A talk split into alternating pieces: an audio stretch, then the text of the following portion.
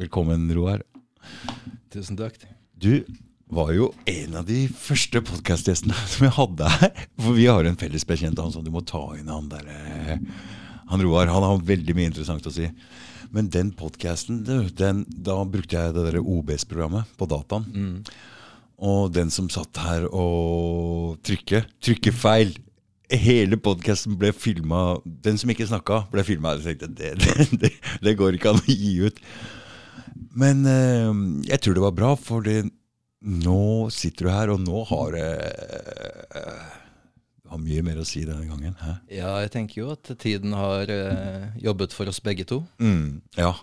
Altså, det er helt annet. Den gangen jeg hadde jo ikke gitt ut noen ennå. Mm.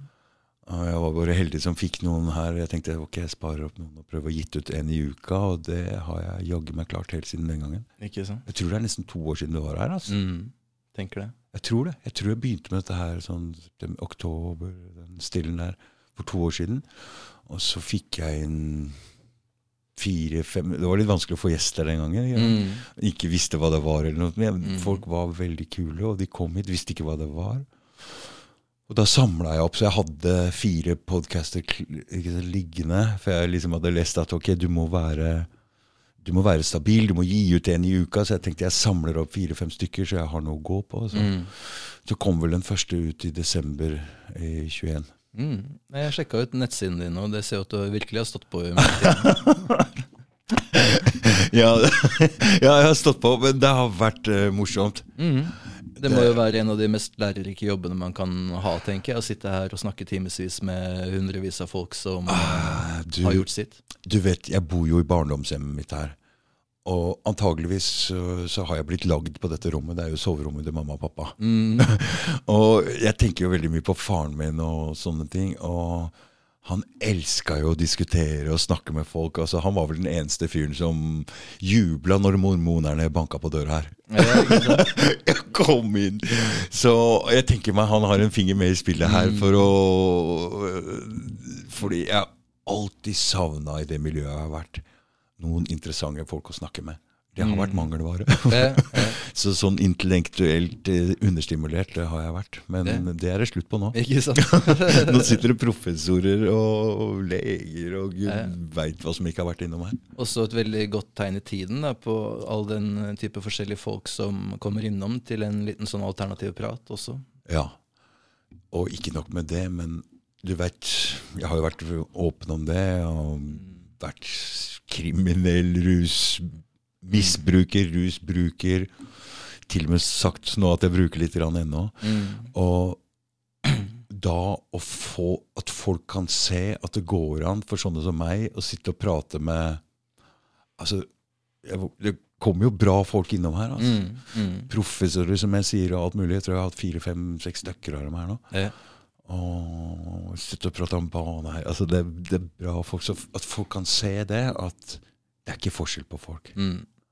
Bare det i seg sjøl Jeg tenker podkasten din har hatt en stor samfunnsnytte jeg, med mm. det mm. laget du har klart å samle underveis. Altså.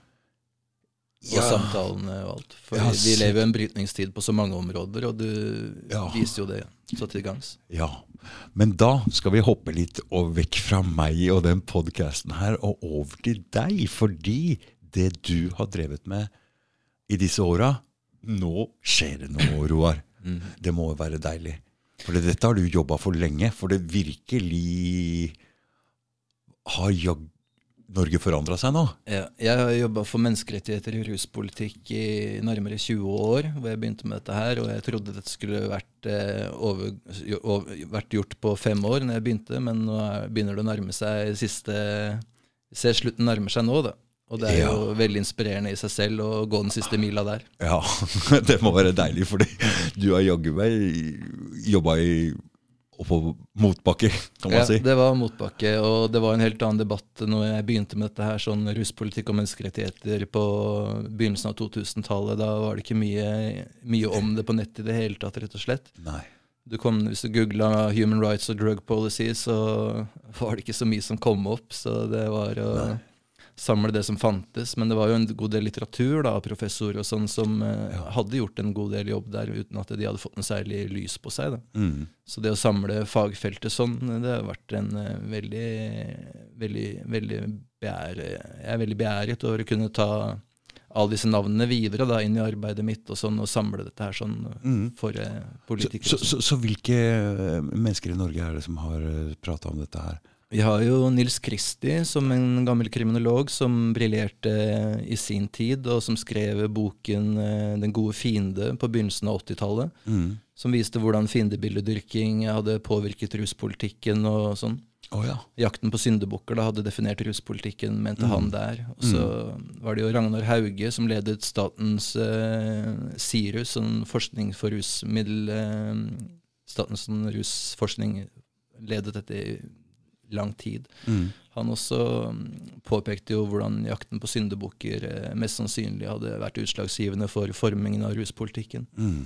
Så først eh, nå med rusreform, rusreformrapporten har man eh, egentlig fått et arbeid som har vært faglig sterkt eh, i Norge, som står eh, uavhengig av enkeltindivider, da, som har eh, beredet veien underveis. Ja, for den forandra på Selv om jeg var veldig overraska over hvor mange som var positive til den uh, rusreformen som ble lagt ut. For Ja. det, den skulle legalisere på en måte opptil fem gram, ti gram eh, både det ene og det andre. Ja, Rusreformen eh, de hadde jo som mandat dette utvalget å se nærmere på menneskerettighetene knyttet til den foreslåtte lovgivningen. Ja. Så da ble det et menneskerettighetskapittel der som var banebrytende, og som eh, Hele rapporten var på rundt 400 sider og veldig godt satt sammen. De kapitlene før der viste hvordan offentlig panikk hadde formet ruspolitikken. Og da var det nok av sitater fra Kristi og andre professorer som eh, internasjonalt også hadde gjort eh, gode arbeider der. da. Men hva mener du egentlig med at offentlig panikk eh, preger, eh, preger debatten, eller preger eh, Hva betyr det? Hva mener du med det? Det man kan si, er at eh, den politiske prosessen ikke har vært kvalitetssikret eh, opp mot menneskerettighetsprinsipper som likhet, forholdsmessighet, selvbestemmelse og frihetspresumpsjon. For at straff skal kunne forsvares, så er det en, visse kriterier som må være til stede. Et visst forhold mellom mål og middel osv. Kuren kan ikke være verre enn sykdommen. Hvis kuren er verre enn sykdommen, så er det ikke noe troverdig forhold mellom mål og middel, og man har et problem med forholdsmessighetsprinsippet. Mm. Så en menneskerettighetsanalyse vil avgjøre om eh, en lov tåler, eh, tåler et lys, kritisk lys eller ikke der. Mm. Og det var, gjorde Menneskerettighetsutvalget, eller eh, Rusreformutvalget gjorde en god analyse av eh, retten til bruk. da Mm. Hvor de så hvordan de internasjonale konvensjonene de siste ti årene har gått fra å tolkes i lys av et narkotikafritt ideal og forbudet som et egnet virkemiddel til å se mer på realitetene og intensjonen om å fremme helse og, og fellesskapets beste. da. Mm. Så i og med at eh, det er rusbruk i dag er mer utbredt enn noen gang, og Ja, sånn, det det. så mm, ser man at det forbudet ikke har eh, vært et egnet virkemiddel der. Da. Dette burde de ha lært av, for vi har jo hatt forbudstida mot alkohol òg. Ja, og dette her er noe som alle fagfolk eh, har visst. Som sagt, I 40 år nå så har kriminologer påpekt jakten på syndebukker som utslagsgivende for ruspolitikken, og i 2002 så kom Straffelovskommisjonen eh, med sitt arbeid, hvor de konkluderte med at avkriminalisering var faglig anbefalt. Eh, Justisdepartementet vil, og politikerne ville ikke da ta denne konklusjonen inn over seg, så sleivete som de er, så så de ganske glatt bort fra dette ekspertutvalget sitt. Mm. Så i 20 år nå så har avkriminalisering vært faglig anbefalt, eh, og politikerne har prøvd å opprettholde skylapper på dette området her, sånn, men eh, det blir, blir stadig vanskeligere, og spesielt etter rusreformrapporten Mm. som er det beste arbeidet gjort på området. Så vi har, med utgangspunkt i den rusreformrapporten så har vi vist at det er en sammenheng mellom dette fenomenet offentlig panikk og menneskerettighetsbrudd. Mm. I den grad offentlig panikk har rådet, så har ikke prinsipper som likhet, forholdsmessighet, selvbestemmelse og frihetspresumpsjon hatt den vekten de skal ha i politikernes regnestykke. Det som dette forbudet også har klart å få til, er jo selvfølgelig at folk tror at cannabis leder til sterkere stoffer. Men det gjør det kun når det er i lukka, skjulte miljøer. Mm. Fordi det er i det samme miljøet. Men egentlig så har vel ikke cannabis noe mer med andre rusmidler å gjøre enn alkohol har med andre rusmidler å gjøre. Ja, og det skal jo også sies at eh, det er ikke bare i Norge man har funnet ut at offentlig panikk har preget politikken her. sånn... Eh, Nei, nei, nei, USA har jo vært det samme. det var jo I 1972 så satte Nixon eh, ned en eh, ekspertkommisjon i USA som skulle se på problemstillingen rundt cannabis. De konkluderte med, også med at dette var jo 50 år siden, og at de konkluderte med at avkriminalisering var faglig anbefalt. Oh, ja. Og det samme gjorde de i Canada med Ledine-kommisjonen, og i England og i Nederland. eh, andre steder også. Så mm, det var egentlig bare nederlenderne som tok ekspertutvalget sitt på alvor, og dermed prøvde også å skille markedet mellom svakere stoffer og hardere stoffer. Da. Og dette ble jo det som kalles coffeeshop-systemet der. Mm.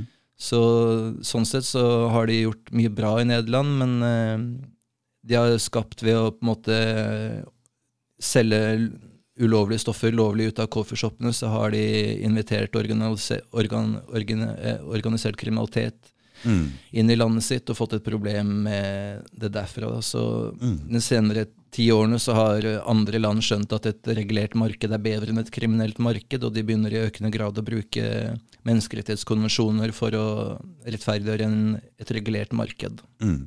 Det, det som, vi har jo hatt Danmark også, hvor vi alltid dro til Kristiania. ikke sant? Mm.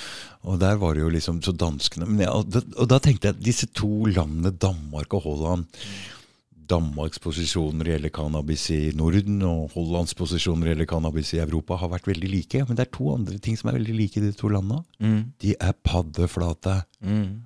Og så tenker jeg på Norge. Oi, med de høye fjella og det skeptiske. Så tenker jeg, hm, Har det noe med det å gjøre? Er det det? Ja. Jeg syns det var litt rart, i hvert fall. Ja.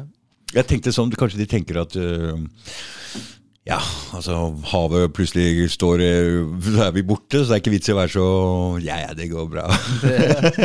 Slapp av, ikke vær så, Ja, så det kan jo være noe med Jeg tviler på at det er noen sammenheng mellom høye fjell og totalitære eh, stater, men man ser jo det i Kina også. Der er det jo Foreldrene til Mao bodde to mil unna hverandre, men kunne ikke hverandres språk engang. Oh, ja. Mm. På grunn av det blir vanskelig å reise. Ja, ja, ja, ja. ja. Det ser vi jo i Norge òg. Vi har jo så mye rare dialekter. Hvis du kommer langt inn i Sogndalen der, så er det ikke så lett å, mm. forstå hva de sier. Altså. Så vi ligger jo helt i periferien av Europa, og vi bærer Ja preg av det ruspolitisk, helt klart. Ja, ja det, det, det er sant. Mm. Og vi har jo ikke egentlig noe sterk eh, kultur for eh, individuell frihet her. Det har vært en mer, eh, det, det som har blitt vektlagt, har vært samfunnets behov for beskyttelse og solidaritet har på en måte vært å stå med de svakeste, som man har sett i russpolitikken, da, som man har trodd har vært eh, tjent med en kriminalisering. ikke sant? Mm. Men, men dette har jeg skjønt hele tiden, fordi jeg har jo sittet inne for å selge stoff, og jeg veit jo hva som har holdt meg i dette miljøet. Mm. Økonomien. Mm. Yeah. Det er jo en helt egen økonomi her, yeah. og den er stor. Yeah. Og det vi ser nå Du får ikke stoppe dette så lenge det er så mye penger i, i, i, i det hasjmiljøet, for å si det sånn. Mm. Ungdommer flokker til. ikke sant? Det, her, det er jo penger der, yeah. det er damer der, det er kule biler, det er spenning. Det er, du har alt der som en ungdom trekkes mot. Yeah. Så hvis de vil ha mindre av dette her, altså må det ordentlig legaliseres. Men jeg tviler på om de noen gang klarer å få det så billig og så Du veit jo hvordan de er med Vinmonopolet. og Mm. vi- Hadde det ikke vært for um, det der um, etanol, metanolsaken, så hadde vi vel sikkert hatt uh, spritmafia her ennå. Ja. For det, det er så dyrt her at uh, smugling er et uh, problem. Så Ja. jeg tviler på men, men, men bare det å få skammen og alt dette bort, og få åpenhet om dette, og få avkriminalisert det, da, det hjelper lite grann. Jeg tror det. Det hjelper i hvert fall debatten veldig mye når man eh, ikke lenger vil straffe bruk, og begynner å se brukere som selvstendige mennesker, og ikke Mm, nødvendigvis eh, brukere i kraft av et sykdomsbilde. Ja. Sånn, eh, derfra så er veien ganske fort, eh, ganske kort til å tenke på um, hvis, hvis, hvis Hele ideen bak forbudet er at man tar tilbud og etterspørsel og vrir det til en offer- og overgriperkontekst. Ja. Eh, og slik så kan forbudstilhengerne umyndiggjøre brukere og demonisere selgere. ikke sant? Ja, og dette så jo jeg når jeg var ganske ung. Altså Her har vi unge gutter som føler Men når de gjør andre kriminelle ting, da. Mm. Et samfunn vil alltid ta seg av voldtektsforbrytere, vold, eh, stjeling, ran og sånne ting. Det ville alltid bli straffet. Men den type mennesker som blir straffet til de strengeste straffene når jeg var ung, og da fikk vi virkelig strenge straffer for, for stoff. Ja. Voldsomme straffer for unge gutter som følte egentlig ikke at de gjorde så veldig mye gærent. For det, i miljøet så er du jo en helt. Folk ser jo opp til deg, og plutselig så sitter du der med noen kilo med amfetamin da, tror liksom du føler, du føler liksom ikke at det, du skader noen, eller, for alle vil jo være vennen din, og ikke sant? alt er bare bra. Og så pang, så sitter du der, og så får du 10-12 år på den tida der. Ja, Som en 18-19-20-åring. absolutt. Så å straffe den type mennesker tror jeg var veldig Den type mennesker hadde aldri blitt straffa i et samfunn før. For det, det er Som sagt, jeg har jo Du merker det veldig når du er ute og gjør innbrudd og sånne ting. Da Da merker du at du er ute og gjør noe ordentlig kriminelt. Ikke sant. Så det er en helt annen type mennesker som blir straffa. Jeg vet ikke. Ja. Nei, men eh, det er jo offerløs kriminalitet. eh, I den grad eh, man kan eh, snakke om offerløs kriminalitet, så er dette her et eksempel på det. da. Mm. Sånn eh, Og alle som, alle som driver med narkotika, driver og selger litt på si, vet du. Det er ingen brukere som anmelder dealeren sin, for å si det sånn. Nei. Nei, og, og nesten alle De få dealerne som eventuelt blir anmeldt, har fortjent det. da. Ja, det tror jeg. nei, nei, det er jo sånn uh, Alle som nesten driver litt med narkotika, selger litt sjøl for å overleve. Det er jo sånn uh, man får penger inn i Ja, og det er jo ikke noe man gjør eh, egentlig nødvendigvis av, for å jage etter profitt heller, men kun for å hjelpe folk. Som eh, hvis man eh, selv sitter på varer, og, så vil man jo prøve å hjelpe andre som er på utkikk etter varer. mm, Så, eller så må de andre steder leite etter det. Så mm, mm. det er stort sett kompiser som hjelper hverandre i dette miljøet. sånn. Ja, sånn er det. Mm. Det er sånn kompisgreie. Mm, Jeg veit det. Så vennene dine er kundene dine. ikke sant? Så det er jo min påstand at en god narkotikaselger også er en god sosialarbeider.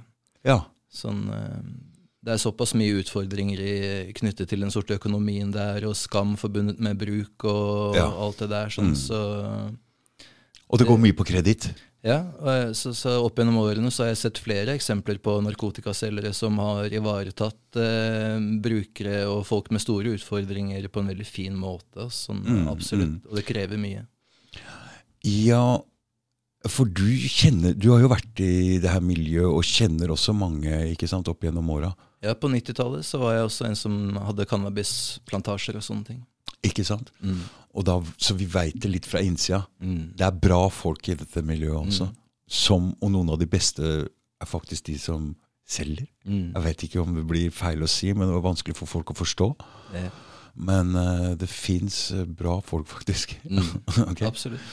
Det er ikke bare så Folk prater om narkotikagjeld. Det er veldig Altså, jeg har jo skyldt penger. Jeg har aldri vært makan borte til en bra gjeld å ha. Forståelsesfull på alle måter. I hvert fall er det jeg har opplevd.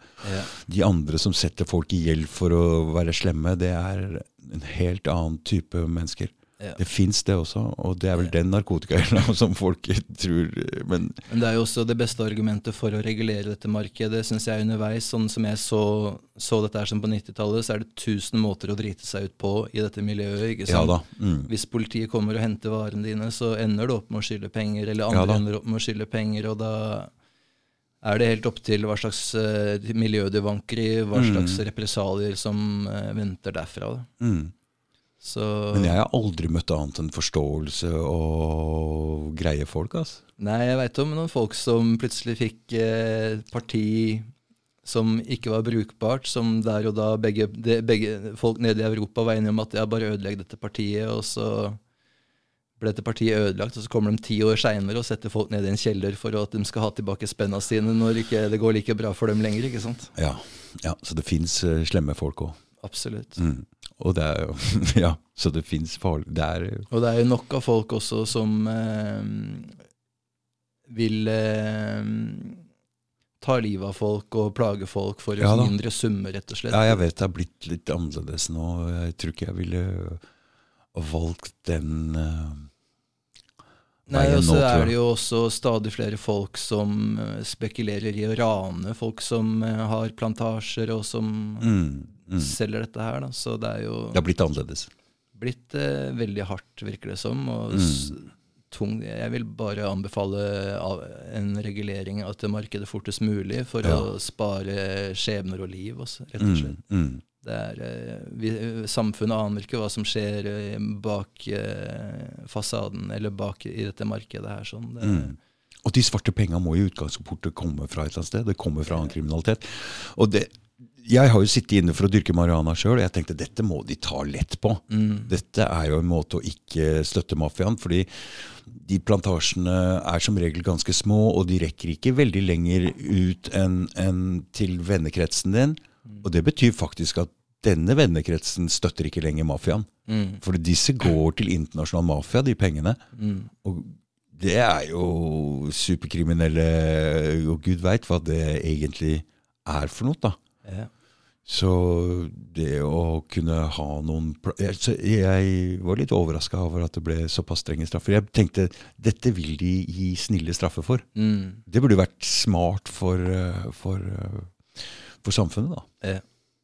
Og det er nettopp det du så også i 2002, når Straffelovskommisjonen kom med sitt arbeid, så tenkte de at en, ikke bare avkriminalisering var faglig anbefalt, men også å senke strafferammene fra 21 år ned til 10 år for salg. Da. Ja. Heller ikke dette var noe politikerne ville tenke på. Men domstolene har fulgt etter, altså, for det får ganske snille straffer nå i forskjell. Altså, det var, altså, når jeg var ung, det var kjempestrengt. altså. Mm. Ja, ting forandrer seg. Ting er i ferd med å forandre seg. Du, eh, du har jo gjort noen eh, stunt, Roar. Hvor Mm. du setter deg litt i en slags situasjon hvor du nesten krever å bli arrestert. Ja. Kan ikke du vise fram den eh, videoen av eh, Roar når han eh, 9-11, faktisk. ja, dette var 11. september i fjor, når vi Mm. hadde en uh, sivil ulydighetsaksjon utenfor politihuset i Oslo. Ja. Hvordan gikk det? Det var en stor suksess. Vi, politiet oppførte oppførte seg veldig profesjonelt den dagen. Men hva, hva gjorde du egentlig da? Jeg varslet politiet og presse og politikere i forkant og sa at fordi den politiske prosessen har sviktet, så vil vi gjennom domstolene, jf. maktfordelingsprinsippet, bruke prøvelsesretten på loven der for å få kvalitetssikra den politiske prosessen. Ja. Så mm, vi sa fra til politiet at vi skulle ha en stand utenfor hovedstasjonen der nede, hvor vi skulle eh, ha, ta med cannabis i over, over de grenseverdiene som politikerne vurderte som straffritt. Da. Hva var det? Hva var det? Hvor mye? Jeg tenker kanskje den tiden der om de snakket om eh, avkriminalisering opp til 15 gram, eller sånt, så vi tok med i hvert fall 30 gram, da, pluss en plante ned dit. Ja. Sånn for å sørge for at vi var over de terskelverdiene som var foreslått, for Ja. å få prøvd den problemstillingen rettslig. Hva skjedde? Um, vi var i retten uh, Ja, For du ble arrestert. Ja, Uh, ble arrestert og fikk uh, Men ikke tatt med på glattcelle og sånn. Nei, nei, nei. Så det var bare en sånn høflig arrestasjon nede på stedet der. Hvor Håndjern, eller? Ja, nei, ikke det engang. Ikke, ikke håndjern. Men de tok meg ned bort til politibilen, og så var det et avhør der om, om sakens fakta. Og så tok de selvfølgelig stoffet igjen. Ja, de tok stoffet også. Ja, og så Og så venta vi på retten, og det tok jo fram til 1. juni i år. Da var vi i tingretten for dette her. sånn. Det er vel lang tid. Ja, det For det er en tilståelsessak her. Ja, de lurte nok vel på hva de skulle gjøre med dette her sjøl òg, så vi ville gjerne hatt det for retten så fort som overhodet mulig. Ni måneder. Ja, Jeg synes jo det var Jeg har jo vært eh, i en sak før hvor det tok fem år før eh, vi var ferdig gjennom rettssystemet, så det er jo sånn sett eh, betraktelig raskere. Men, eh, Men dette er en ting, fordi jeg har jo også vært i den prosessen der, en bare sånn liten avsporing her nå, fordi den ventetida der, det er straff. ja. Det er det faktisk, fordi jeg fikk ikke gjort noe. Du får ikke gjort noe med livet ditt. Du veit du skal inn i fengsel. Hva tenker du at du skal egentlig gjøre? Mm. Hvis du er arbeidsledig, skal du få noe progresjon i livet ditt eller prøve å fikse på noe? Nei, det gjør du ikke. For oss så var dette egentlig en kontinuerlig progresjon i forhold til saksarbeid, med kom kommunikasjonen vi hadde med politi og riksadvokat og justisminister underveis. At eh, disse ni månedene fram til rettssaken uh, var egentlig fylt med brevskriving og ansvarliggjøring av myndigheter rundt dette bildet her. sånn. Ja. Så når vi Politiet ville jo, gikk fra å være veldig samarbeidsvillig, syns vi, i begynnelsen, til uh, å motarbeide rettsstatsgarantier underveis. Så Hva betyr det rettsstatsgarantier? Du bruker så Ja. veldig mange fine ord, eh, Roar. Du har Johs Andesnes, som er eh, vår mest anerkjente jurist gjennom tidene. Han beskrev prøvelsesretten på loven som Vestens viktigste bidrag til verdenskulturen og en, eh, et kjernepunkt i rettsstaten. Ja. Så det betyr at hvis eh, du som borger er uenig i lovene som brukes mot deg, så har du krav på en eh, domstol for å kvalitetssikre loven som brukes mot deg. Mhm.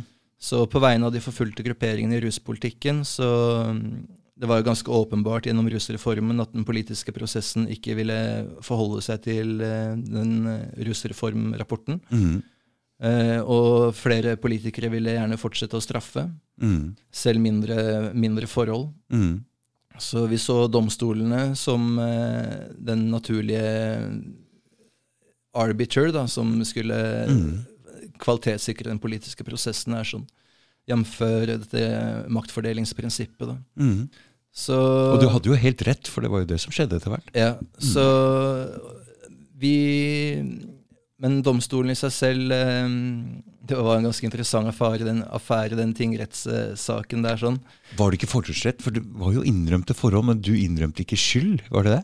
Eller, Jeg, jeg innrømte alt som jeg hadde med meg, men ikke straffskyld. da. Ikke straffskyld, så da må du opp i en høyere rettsinstans, Ja. ikke sant? Mm. Så politiet satte i utgangspunktet av én dag til rettsforhandlinger. Ja.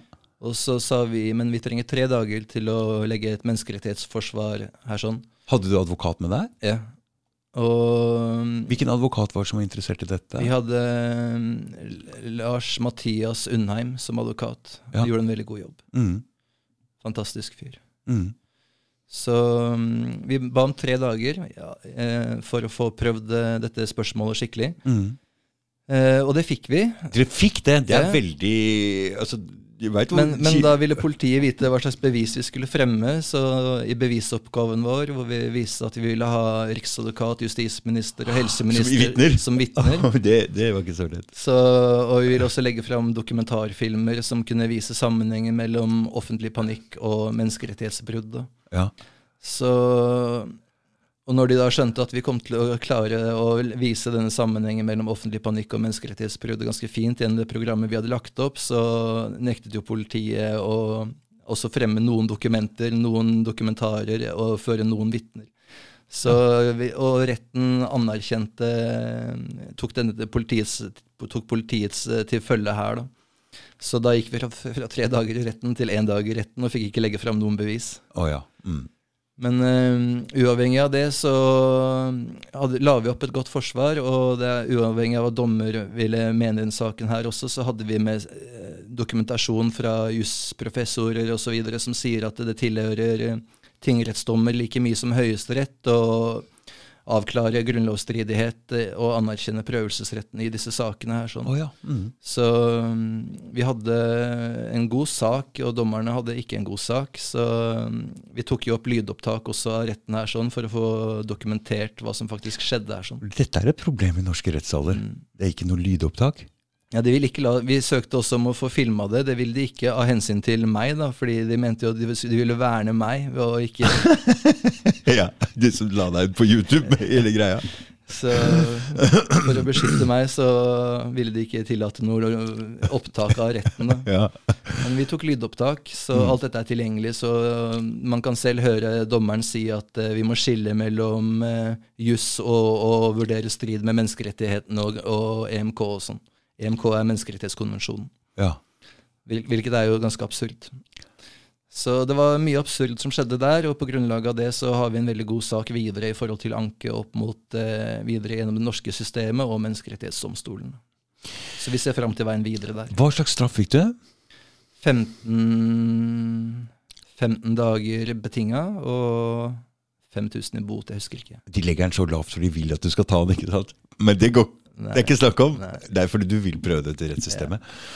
Um, Og de ville jo heller ikke ta med den planta vi hadde tatt med til politistasjonen der. Den ville de heller ikke sette opp i tiltalen, selv om vi forlangte at den skulle tas med i tiltalen. for da ville du regne ut uh, innhold av THC og sånne ting på Jeg ville den, ikke vise hvordan politiet normalt sett uh, Hva slags absurd regnestykke politiet normalt sett setter sammen i slike saker. De slenger hele planta på bordet, t våt tilstand og sier hei, dette er så og så mange gram her. Eh, Nei, bare på den aksjonen 11.9. så kom det en fyr bort til meg etterpå som hadde hatt et telt, et sånn kunstnerstudio, hvor han hadde hatt eh, noen veldig shabby planter og en stiklingsbrett som ikke så ut som de hadde livets eh, Mm, mm.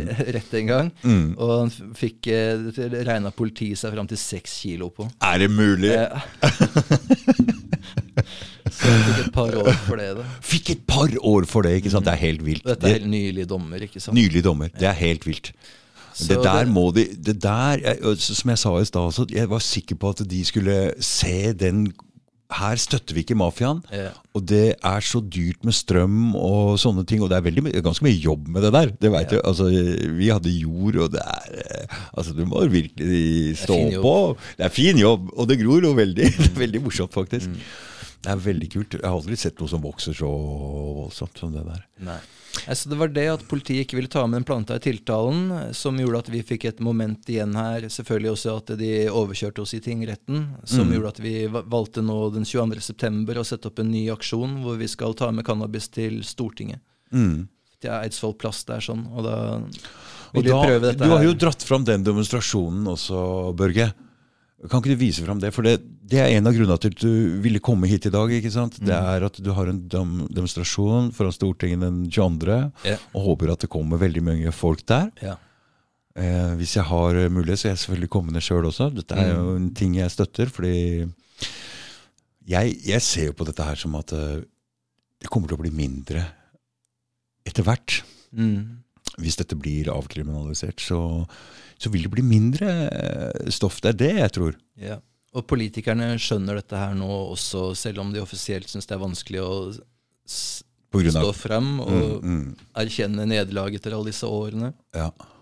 Så ser man det nå at uh, vi har flere politikere som vil holde tale denne dagen her, sånn, og det er jo, sånn sett så har vi kommet oss langt videre siden i fjor. ja, ja, ja. Så vi, vi, vi opplever at eh, på Stortinget så er det mye sympati å hente i denne aksjonen her, sånn, og var- stor forståelse. Du, jeg var veldig overraska over hvor mange som støtta den rusreformen. Mm, Selve debatten forandra hele klimaet. ja. Kan ikke du fortelle litt om den høyesterettsdommen som egentlig eh, forandra alt? I april, de Ja. brukersakene. Ja. Ja, da gjorde jo Høyesterett eh, tre dommer hvor de så på ut fra signalene til lovgiver, hvor de prøvde å Hvem er det som anker opp til Høyesterett her? mm, Er det brukere? Ja, det var vel Elden blant annet, som på vegne av disse brukerne Så at, så at det var behov for en avklaring. Påtalemyndigheten var det egentlig som anket dette her sånn inn for Høyesterett, fordi påtalemyndigheten, Riksadvokaten, så at det var eh, Å ja. Behov for en avklaring her. sånn. Oh, ja. Oh, ja. Og fordi at uh, det var enighet på Stortinget om at uh, tunge misbrukere ikke skulle straffes, Mm. så så de det som signaler som rettssystemet måtte ta på alvor. Mm. Så det var påtalemyndigheten gjennom Riksadvokaten som anket dette her sånn til Høyesterett for å få domstolene til å gi de noe håndfast i denne saken her. Så spennende. Ja, så da var For, det det så, for, for de sjekker jo litt, lodder jo litt stemningen i folk også. For det er så mange mennesker som støttet denne rusreformen. Høyt og lavt og politikere. Og jeg var veldig overraska over det. Altså. Ja. Og Riksadvokaten har vært god her. Han har eh, prinsipielt vært eh, holdt, tunga ganske rett i munnen, eh, bortsett fra at han ikke vil se hele bildet så langt. Mm. Men den eh, hørings, eh, høringssvaret til Riksadvokaten i seg selv påpeker eh, dobbeltmoralen og, og paradokset ved at man eh, har kriminalisert en type stoffer som er mindre farlig enn tillatte stoffer. Mm. Man erkjenner at ikke all bruk er like misbruk Mm. og at straff har gjort vondt verre. Mm. Så på dette grunnlaget så mm, også etter, Dette er etter rusreformrapporten, hvor det ikke er mulig å påstå at, straff, eh, at noen er tjent med straff på dette, i, i brukersaker. Jeg lurer på, jeg, for han riksadvokaten der Jeg er nære i familie med en jeg kjenner. Og, Eh, Du må få han inn på en podkast. Fordi han eh, Jeg lurer på om han er litt prega. For det, jeg vet at det er Jeg vet ikke om jeg skal si det. Jeg kan kanskje ikke si det. Men jeg vet at han kanskje kan ha sympati i og med at han veit om rusmisbrukere sjøl. Mm. Men han er jo absolutt av et helt annet kaliber enn den forrige riksadvokaten Tor Aksel Busch, som Mm. var et ganske ivrig medlem av Norsk Narkotikapolitiforening og i 13 år mot eh, satte seg rettsstatsgarantier for de forfulgte grupperingene på rusfeltet. Mm. Tilbake til Høyesterett. Hva gjør Høyesterett her?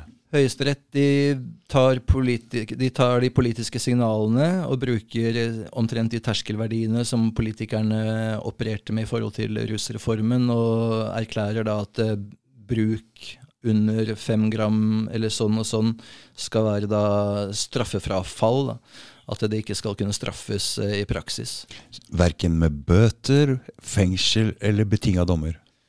Mm, ja, jeg, der er jeg litt usikker på nøyaktig hva de mener. Jeg tenker at de får bøter og sånne ting. Ok, de får bøter, ja, men bøter for en narkoman er jo det samme som fengsel. Ja, Det er masse, masse hassle som man går gjennom sånn som det er i dag. Så selv om man ikke sitter eh, og soner rent fysisk, så er det absolutt ikke straffefritt eller hasslefritt å bruke disse stoffene eller bli tatt med disse stoffene. Man Nei, altså, en bot og sånn. ja, bot, bot Hvordan mener du at en narkoman skal klare å betale en bot? Han må selge stoff, da. Eh. Det er den eneste måten. gjøre. Og bare det å ta fra stoffer gjør jo at folk gjerne eh, havner to skritt bak og må begynne å jobbe litt hardere igjen for å komme seg tilbake til null igjen. Helt klart. I hvert fall, Jeg veit ikke hvor dyrt det er med heroin, og sånn, men det er vel fremdeles rimelig dyrt. jeg har en annen sak nå som det var Vi, vi, får en annen sak på trappene nå som, hvor det er en opiatavhengig som har blitt tatt med ni gram heroin og et brett med piller, Mm. som vil eh, gjøre gyllene, gjeldende at eh, det er usaklig forskjellsbehandling fra alkohol. Og at hans brukergruppering eh, diskrimineres da. Og det ser du også De uheldige konsekvensene for opiatavhengige av forbudet er jo langt verre enn det er for cannabisbrukere og et forbud. sånn sett. Den fysiske avhengigheten og alt som kommer med opiater. Mm. De, og de absessene med urene sprøyter Ja, og sånne ja, ting. Det, den dritten de opiatavhengige må igjennom, det er noe helt annet enn det cannabisbrukere sånn sett må igjennom. Så For nå snakker vi om de svakeste, Ja. de absolutt svakeste individene som det går er rundt. virkelig, Mm. virkelig en kamp som må tas, og en stemme som må bli hørt, den uh, biten der. For det, det har gått uh, ille utover den grupperingen der. Også. Jeg ser jo på et samfunn hvordan de behandler det svakeste som sier noe om samfunnet. Mm, Og disse har virkelig blitt ille behandla. mm. De blir shama, de blir pekt på, de blir spytta på omtrent av alt og blir behandla dårlig av politi, av alle. Yeah.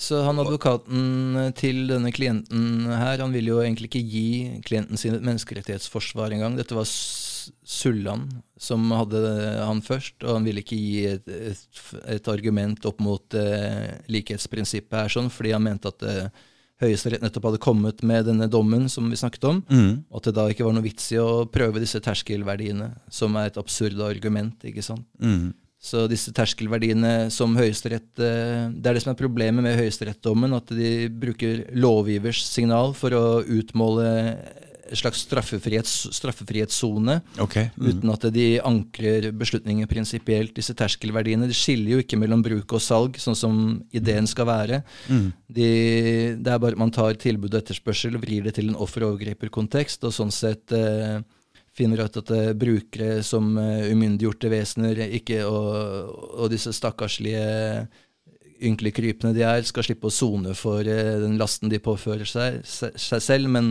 hvis du har over 15 gram, eller hva som, fem, over 5 gram, da, så Er det, er du, er du, går du fra å være den uh, stakkarslige til å bli den demoniske, eller den som har fortjent å straffes, da?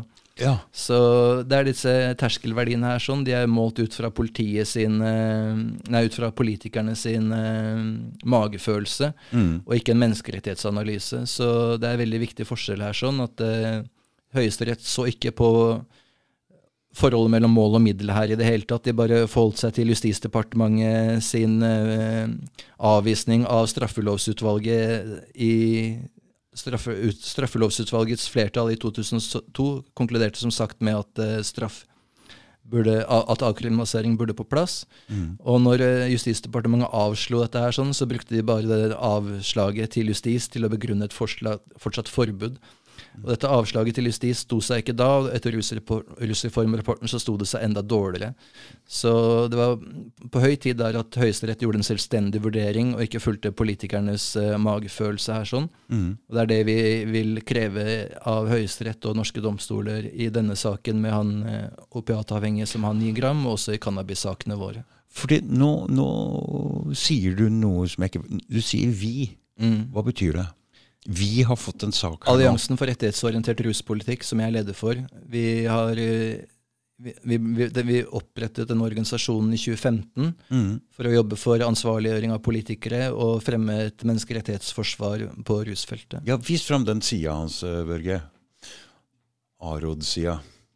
Så um, de, Siden det vil jo koste Men han har jo fri rettshjelp, eh, han Kjakan her. Eh, Så hva er det dere hjelper han med når du sier vi eh, finner riktig advokat? Ja, eh, han, og, eh, vi, vi var i et møte med den forrige advokaten og ville hjelpe han eh, å stå opp for kravene sine og sin gruppering opp mot denne advokaten. Mm. Og når ikke det gikk, så hjalp vi han med å finne kontakt til litt andre advokater. Det skal sies at denne klienten her er ganske oppegående og har gjort eh, det godt selv i å snakke med advokater og sånn. Så Mm, mm. men vi hjelper til med det prinsipielle, da, fordi gjennom våre rettsrunder på cannabis og sånn, så har vi et papirspor som dekker alle sider av saken. ja. Så Så du begynner å få peiling her nå? litt klipp og lim her, sånn, så har vi dekket et forsvar for han ganske grundig. Og vi kommer også til å bruke den samme strategien med å innkalle justisminister og helseminister og riksadvokat som vitner, og så avkreve spørsmål av de som viser at det straff ikke kan forsvares. Mm.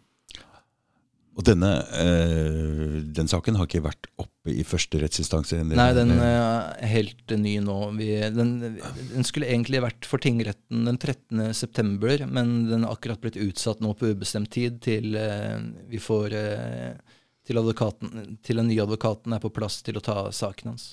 Det vi ser av opiatavhengige, er jo de verste narkomane som går ned i byen her. Mm. Men hvor mange er det egentlig som vi ikke kan se dette på? Er det mange, tror du? Jeg vet ikke. Det er jo gråsoner her som ingen kan si altfor mye om. Mm. Eh, De siste tallene Er det mange oppegående opiatbrukere? Ja, det må det da være. Ikke sant? Eh, Jeg kjenner i hvert fall noen som ikke er åpenbart eh, Som det går ikke an å se det som, på, nei? Som ikke folk eh, ville visst var opiatbrukere. Ikke sant? Og nå har jeg jo vært på et sånt såkalt houseparty her eh, for ikke lenge siden, Mm. og det blomstrer jo som bare det. Ja. Og så MDMA er jo helt eh, Der er det mange som, Eh, som er inne og bruker igjen. eh. Så den største utfordringen til opiatbrukere er vel disse urene stoffene og sånn, tenker jeg. Og sprøyter og sånn. Med, Mm. sånn og prisene som de må Og det hele det livet som kriminaliseringen påfører de, er veldig tungt. Den dynamikken som begynner å gjøre seg gjeldende da når du begynner å bli fysisk avhengig av dette her, Mm, sånn fra mm. tiår til tiår, så er det vanskelig å holde hodet over vannet. Altså. Mm. Så i og med at eh, man kan se Det det er gode, gode, gode undersøkelser som viser at alkohol rent faktisk er et verre rusmiddel enn selv heroin da, og kokain. Ja. Så um, David Nutt, som er sånn tidligere ledet eh, ACMD, som er den britiske regjeringens rådgivende utvalg, han eh, fikk jo sparken fordi han mente at f.eks. Eh, hesteridning var farligere enn ecstasy og sånne ting. Mm. Men eh, de tok de 20 mest kjente stoffene, og så ut fra sånn forskjellig skala på skade Mm, mm, mm. kategoriserte dette her, og alkohol kom desidert verst ut. Kom verst ut. Og det da Jeg har jo hatt alkoholikere rundt meg hele livet. Mm. Jeg har oppvokst med en alkoholikerfar. Jeg har hatt venner som er alkoholikere nå. Og det stoffet der, det drar hardt. Dette virker ikke som det er mulig å komme ut av. Og jeg liker ikke å prate med dem når de er fulle. Mm. Jeg hater det der. Mm. Det rusmiddelet der det jeg- har jeg veldig lite til overs for. Jeg har aldri likt smaken. Mm. Jeg har heller aldri likt rusen. Mm. Det er jo en av grunnene til at med en gang jeg fikk i meg en tre-fire øl, så var jeg lyst til å få i meg amfetamin for å få bort alkoholrusen. Ja. For å bli edruende, for å bli klar igjen. Og det er jo veldig mye Det er først når du egentlig prøver andre rusmidler at du har et sammenligningsgrunnlag Ikke også. sant? Fordi du blir oppdratt, hele kulturen vår Ja. er, verner om alkohol som et, eh, det rusmiddelet som hører med til en oppvekst, ikke sant? og eksperimentere med. Det, og, og, det, og der tror jeg folk tar veldig feil. At de, for når folk kommer sammen, så er det alltid alkohol inne i bildet i Norge. Og da tror vi at det er alkoholen som skaper den gode stemninga, men jeg har jo vært på steder hvor vi møtes 20 mennesker uten alkohol. Og det er jo akkurat den så, samme gode stemninga. Og jeg som, er, som liker egentlig samtaler og sånne ting, de mister jo helt sin verdi dagen etterpå, når du tenker at ja, men han var jo full, og øh, det var kanskje ikke noe ekte det som ble sagt, og sånne ting. Og jeg liker jo samtaler som sagt som går litt dypt, som man sitter igjen med Å, det var en, det var en fin opplevelse. da. Jeg syns det er fine opplevelser å ha, og det ødelegger den alkoholen helt. Vi har blitt lurt trill rundt til å tro at alkohol er det samme som en god stemning og en sammenkomst. Vi trenger ikke. Det fungerer jo fint for mange også, så selv om jeg personlig trakk mer mot cannabis når jeg nærma meg 30-årene Jeg var, brukte alkohol på byen og sånne ting i 20-årene. Mm. Prøvde amfetamin også i den tiden der, kokain, sånn halvt års tid hvor jeg regelmessig på en måte brukte dette sammen med alkohol og rus og sånn. Mm. Så du har litt å sammenligne med sjøl også? Eh, Mm. så, men det var, jeg begynte egentlig ikke å røyke cannabis før jeg ble 30 omtrent. Jeg, altså. oh, ja, oh, ja. Jeg var jo helt inni det fra jeg var liten, så jeg slutta omtrent da jeg var 30. Eh, Så vi har hatt et omvendt forløp der.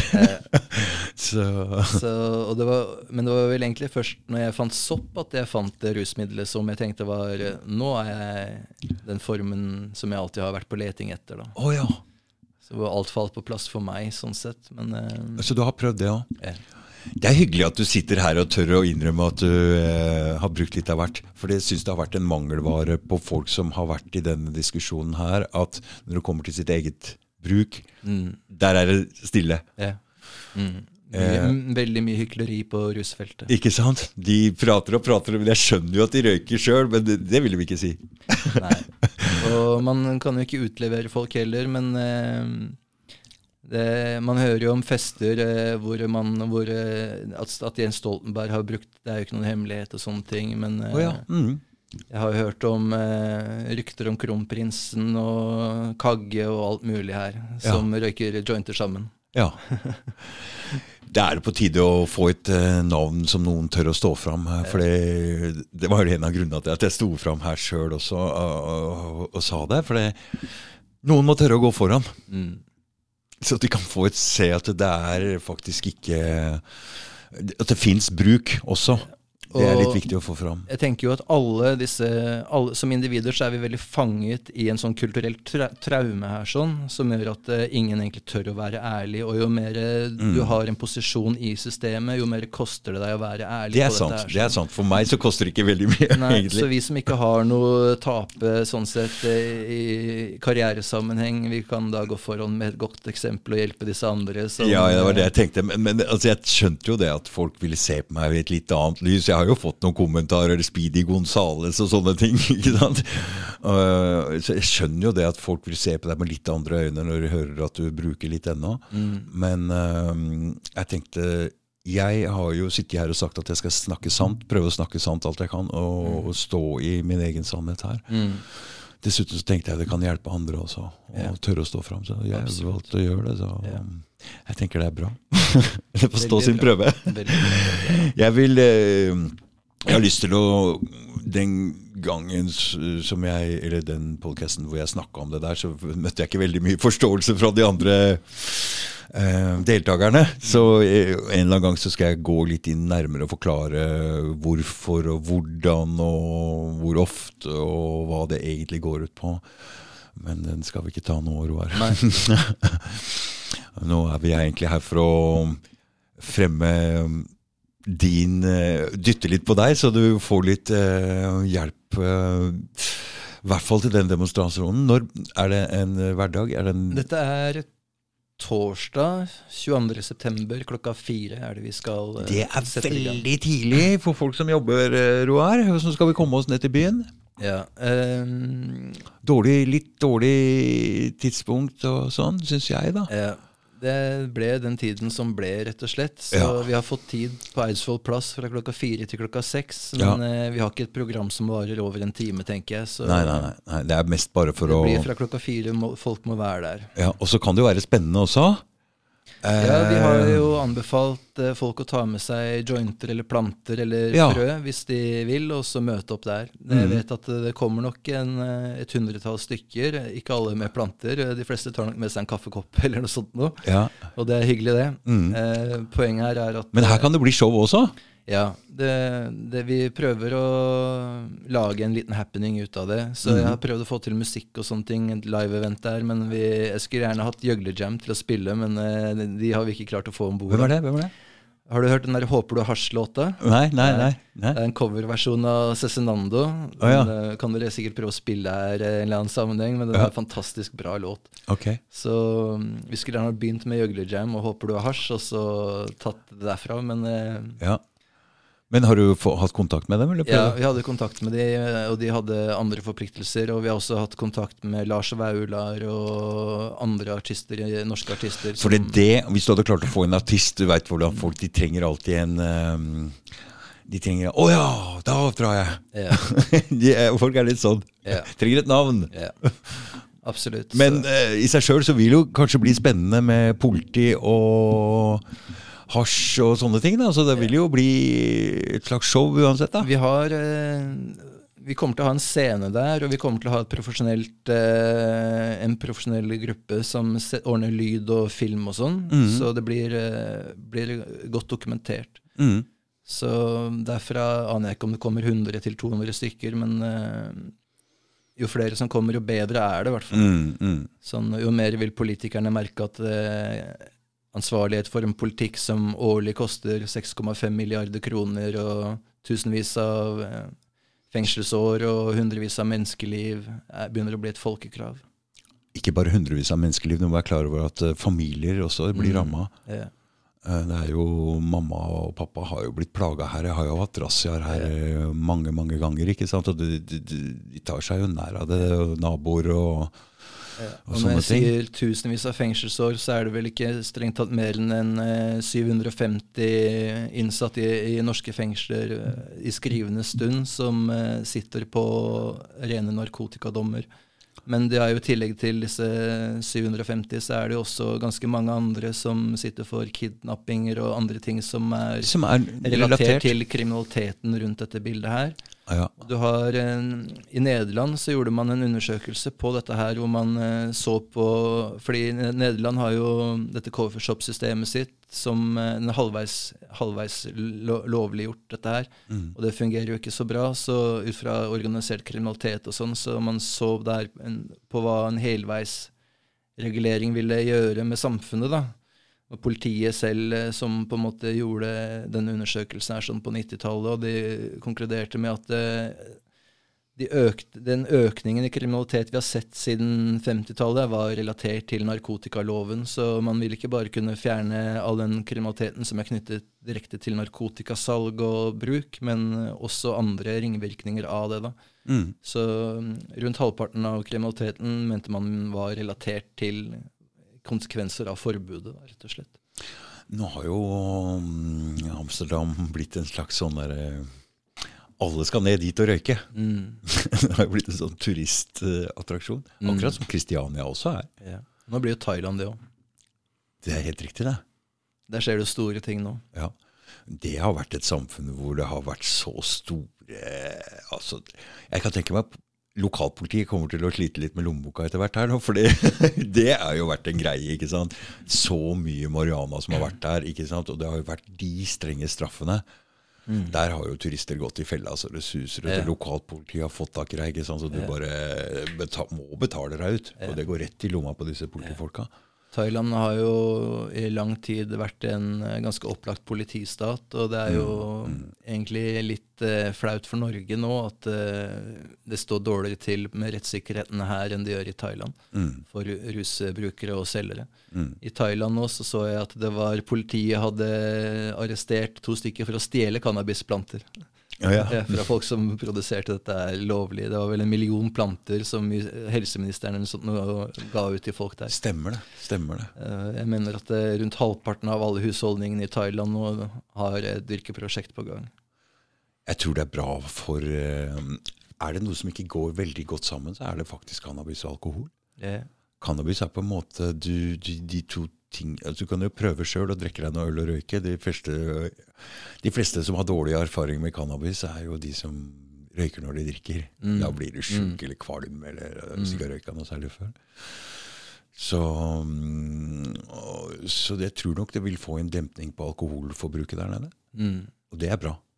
Det blir spennende å se åssen dette her går, men jeg er ikke i tvil om at de har gått et skritt i riktig retning. Og så må man derfra prøve å finne ut den beste måten å hanskes med ringvirkningene av det sånn som det er nå. Mm. Sånn Få rammer som fungerer, sånn så man kan få et bukt med den sorte økonomien osv. Mm. Så, men um, det er vel eh, helt sikkert de riktige folka nå som tjener penger på det der nede, så de har nok posisjonert seg ganske godt for å, å gi folk i politiet og militæret og alt mulig der som eh, i mange år har visst om at dette kom til å skje. Så jeg hører at det er ganske godt eh, ganske god bevegelse for eh, å, å, få dette her regulert og satt i ordna former. Mm. For det gikk jo alltid rykter om disse tablettene og disse Jaba-tablettene. og sånt. Det var jo militæret og politiet som sto bak dette. Og det har det vel vært også ganske godt dokumentert eh, at fra Det gylne triangelet sin tid der, hvor det var eh, en opiumsbaron som het Kun Sa, som holdt til i grensetraktene ved, opp mot Burma der. Mm. Han eh, styrte Det gylne triangel eh, i 25 år, egentlig. Sånn eh, litt opp og ned hvor stor kontroll han hadde på markedet der. Men eh, han, det var en amerikansk, en amerikansk, militær som het Boo Gritz, som samme person som Rambo-filmen er bygd på. Mm sånn en av de mest dekorerte amerikanske militære opp gjennom tidene, som eh, møtte kun Han hadde ansvaret for å finne sånne prisoners of war da, etter Vietnamkrigen. Oh, ja. Og hadde, det gikk rykter om at kun sa visste noe om det. da. Så Sea fortalte jo Bo Glitz at eh, det er ikke noe vits i å dra og leite etter Kunsa en gang, han er visst død og sånn. Men Bo Glitz dro inn i jungelen der og fant han, da, og tok med, fikk noen dager i leiren. og han kun sa, sa, at han skulle gjerne hjelpe han med å finne disse soldatene og sånn. Eh, hvis det fantes noen. Og han eh, ba han også ta med seg tilbud tilbake til Reagan og, og visepresident Bush senior da, om at uh, han ville som et tegn på sin gode vilje levere et, et tonn heroin. Og i, gi navnet på sine beste kunder de siste 25 årene. Så Bo Gritz kommer da tilbake til USA med dette tilbudet og tror at han skal bli tatt godt imot av Det hvite hus. Ja. Men han får jo, det blir da personforfulgt for å ha misbrukt passet sitt og noen sånne andre tulleting. Og hele, flere, flere grupper hans blir fengsla, og på en måte det er åpenbart at det er noen, noen i makten her som ikke vil at dette her eh, til, vil at denne kunnskapen skal komme frem. da. Men Bo Gritz kommer seg tilbake til Kunsa et par år etter, eller et år etter, og får se, får se regnskapet til Kunsa. Og han ser da at CA har vært de største kundene hans i 25 år. Og da har det vært Richard Armitage og sånne ting. Folk som har vært høyt oppe i State Department under George Bush, eh, sist nå George Bush jr sammen med Richard Armitage, som ringte Pakistan etter, første, etter, etter 11.9. og sa at vi kommer til å bombe dere tilbake til steinalderen hvis dere ikke samarbeider og sånn. Så dette er en maktgruppering som fra tiår til tiår har vært veldig sentral i, i, i hvitvasking og organisering og sentralisering av eh, narkoøkonomien i den regionen. Dette er jo ikke noe um hemmelig. Fordi Iran-Kontra-skandalen den ble jo dratt opp i rettssalen for mange mange år siden. Og der sto det jo innrømt at de kjøpte våpen, kokain, og at CIA dreiv med dette her. Han ble jo dømt for det. Han der, Hva het han der som ble dømt for det? Jeg husker ikke. Men det, altså, dette, er jo, dette er jo ikke fake. Og når vi ser på Altså, helt fra opiumskrigen mot Kina, så har altså østindiske engelske kompanier i forbindelse med staten England eh, drevet med dette. Og Richard, Se Richard Secord, som eh, drev luftbroen eh, under Vietnamkrigen der mellom Laos og Thailand og sånn, han sa jo det at uh, we, never, uh, we never smuggled opium uh, in Laos, and if we did, it was policy, sa han. ja. Og, så, og, det samme nettverket gikk jo over til Latin-Amerika etter Vietnamkrigen og fortsatte der. Så det er samme grupperingene som er blanda inn i Iran-kontra der.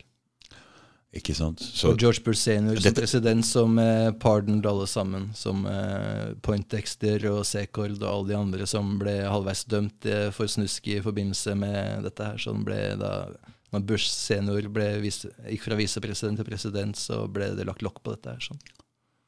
Ja, for dette, dette, er ikke, dette, er ikke, konspirasjoner, dette er sant? Jeg dokumenterer det ned til minste detalj i boken min 'Human Rising'. Bruker jeg en 100 sider på å vise nøyaktig åssen dette her sånn utspant seg. Mm. Du kan jo se at kokainimporten til USA dobla seg fra 1984 til 1986 som en følge av organisert eh, regjeringskontrollert smugling. Og så kan vi jo begynne Og der har du insidere som har vært med på det, som forteller det ganske åpenbar, ganske hjertelig om på en måte hva de har vært med på, og hvem de har sett involvert her. Og Bush senior, Clinton osv. Arkansas. Clinton var jo guvernør i Arkansas på den, den tiden. Den der dokumentaren der, den har jeg sett en gang. Den heter Clinton Chronicles. Den er fin med seg. Men er den sann, eller? Den er, den er drøy. Jeg tenker at det løfter så vidt på eh, et forheng der. sånn. Eh, jeg ja. har selv sett et dusin politifolk eh, som Raymond Young, bl.a. Clinton sin sikkerhetsminister, og livvakter av Clinton på den tiden der, sånn, som helt opplagt involverer Clinton i kokainsmuglingen til Mena i Arkansas der. Og cover-upen også. Absolutt. Så kan vi jo begynne å lure på hvorfor dette fjellandskapet med nesten ingen folk i Afghanistan har vært okkupert i hvor mange år? Mm. Først av Russland, så Amerika, så fram og tilbake der hele tiden.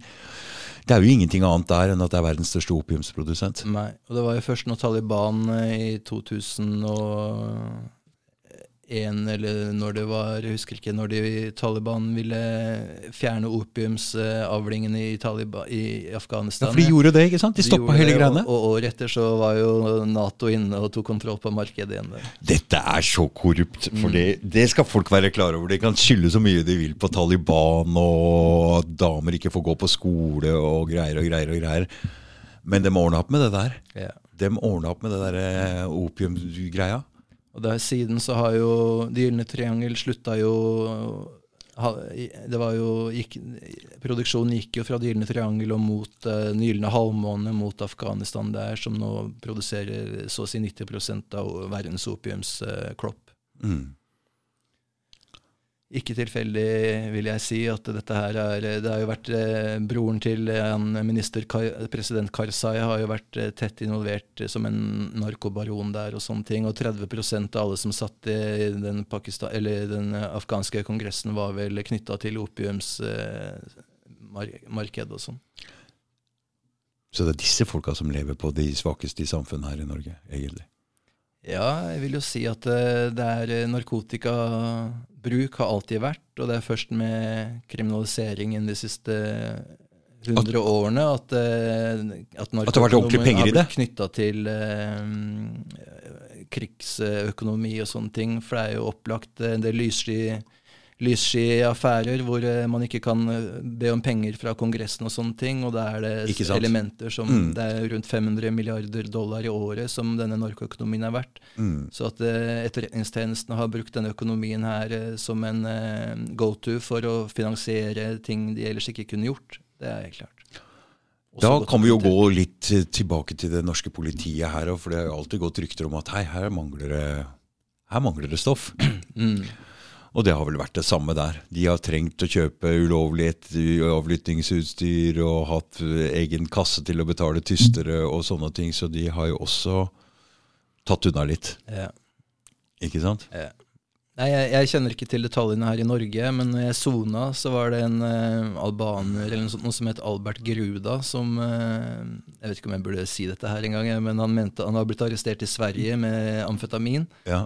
Han fikk 14 år, og så Han mente at uh, han, ble, han ble overført til Norge, da. Og han mente at hvis han hadde blitt tatt i Norge, så hadde han ikke kunnet fått noe straff, fordi han samarbeidet med norsk politi. Ja. Og så dette var, Han prøvde visst å komme i kontakt med advokater og presse og sånn for å snakke om dette her. Dette var eh, samtidig som den, eh, det på TV 2 Det var sånn avlyttingsskandale hvor det, noen et sånn eks-politifolk hadde jobbet for den amerikanske ambassaden med å overvåke borgere utenfor den. Oh, ja. Så da pekte han opp på TV-en og så sa han, de gutta der var det jeg jobba med. Sånn. Oh, ja. Jeg veit ikke. Nei.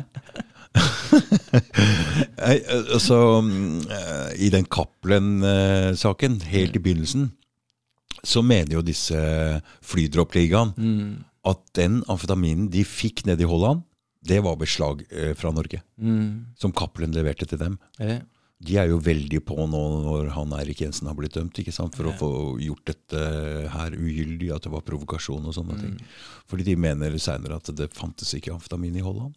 Ja. Og så kommer Cappelen med det stoffet der og leverer til dem. Og selvfølgelig så blir jo det Ja. Droppet. I hvert fall i andre land eh, så er det ganske åpenbare forbindelser mellom narkobaroner og militære. Sånn Mexico annet, de har jo en dobbelt så sterk narkoøkonomi som deres olje, som er deres nest sterkeste kort. Så Ja. etter at det, det, det har blitt en slags sentralisering der, hvor etter at eh, de involverte narkotika, eller involverte militære for å bekjempe narkotikaen, så er det på en måte militære som etter hvert har på en måte Tatt over. Det, det korrumperer alt, ikke sant, den økonomien er sånn. Mm. Så det er såpass det er Enten så får du sølv eller en kule, som de sier. Som du må bare spille ball, eller så det er, Du har Så- ikke egentlig et valg her. Så når du trekker de store linjene her, så, så mener du faktisk at med å legalisere narkotika, så vil det bli mindre krig i verden? Eneste måten man kan få begynne å gjøre opp for den skade som det forbudet og den sorte økonomien, den gradvis korrumperingen som har funnet sted gjennom eh, Du så jo bare på alkoholforbudet på 20-tallet. Ja, det skapte mafia. Det var verdt rundt to milliarder dollar. Ja. Eh, en brøkdel av det narkoøkonomien er verdt. Så Ja. jo, det var jo ganske åpenbart på den tiden at eh, forbudet korrumperte samfunnsstoffet i USA og lov og orden. Mm. Og fremveksten av organisert kriminalitet var jo åpenbar. Og, Masse vold, masse skyting, masse kriminalitet. Ikke sant? som så dette her kan du bare gange med en million over til eh, Ja, narkoøkonomi? ja, ja. Over hvor lang tid dette har fått virke på Så dette er veldig viktig for samfunnets utvikling og, og, og, og I Latin-Amerika så vil jo Er det sånne rapporter som, eh, som kaller uh, dette her som det største problemet i vår tid, som det viktigste for å måte, åpne samfunnet og ta et oppgjør med denne Ja. korrumperende effekten her. Sånn, for den Så- er så- virkelig alvorlig. Under, undergraver institusjonene våre totalt. Det skaper krig, og det skaper vold, det skaper kriminalitet og drap og masse faenskap. Og det er kun fordi det egentlig er ulovlig. Ja. Og alle, alle, er, alle Det er vel nok av folk som er involvert her, sånn, som har de beste intensjoner på begge sider. Ja, men ja, som, ja, ja, ja. Som ikke forstår hva egentlig konsekvensen er. Ja. Ja, og som egentlig Har det vært en sånn, en sånn analyse har vel ikke funnet sted? For det er vel ingen som går dit og sier at hei, se her eh, Nei, det er er det jo- noen som har turt å gå og, og peke på disse tingene?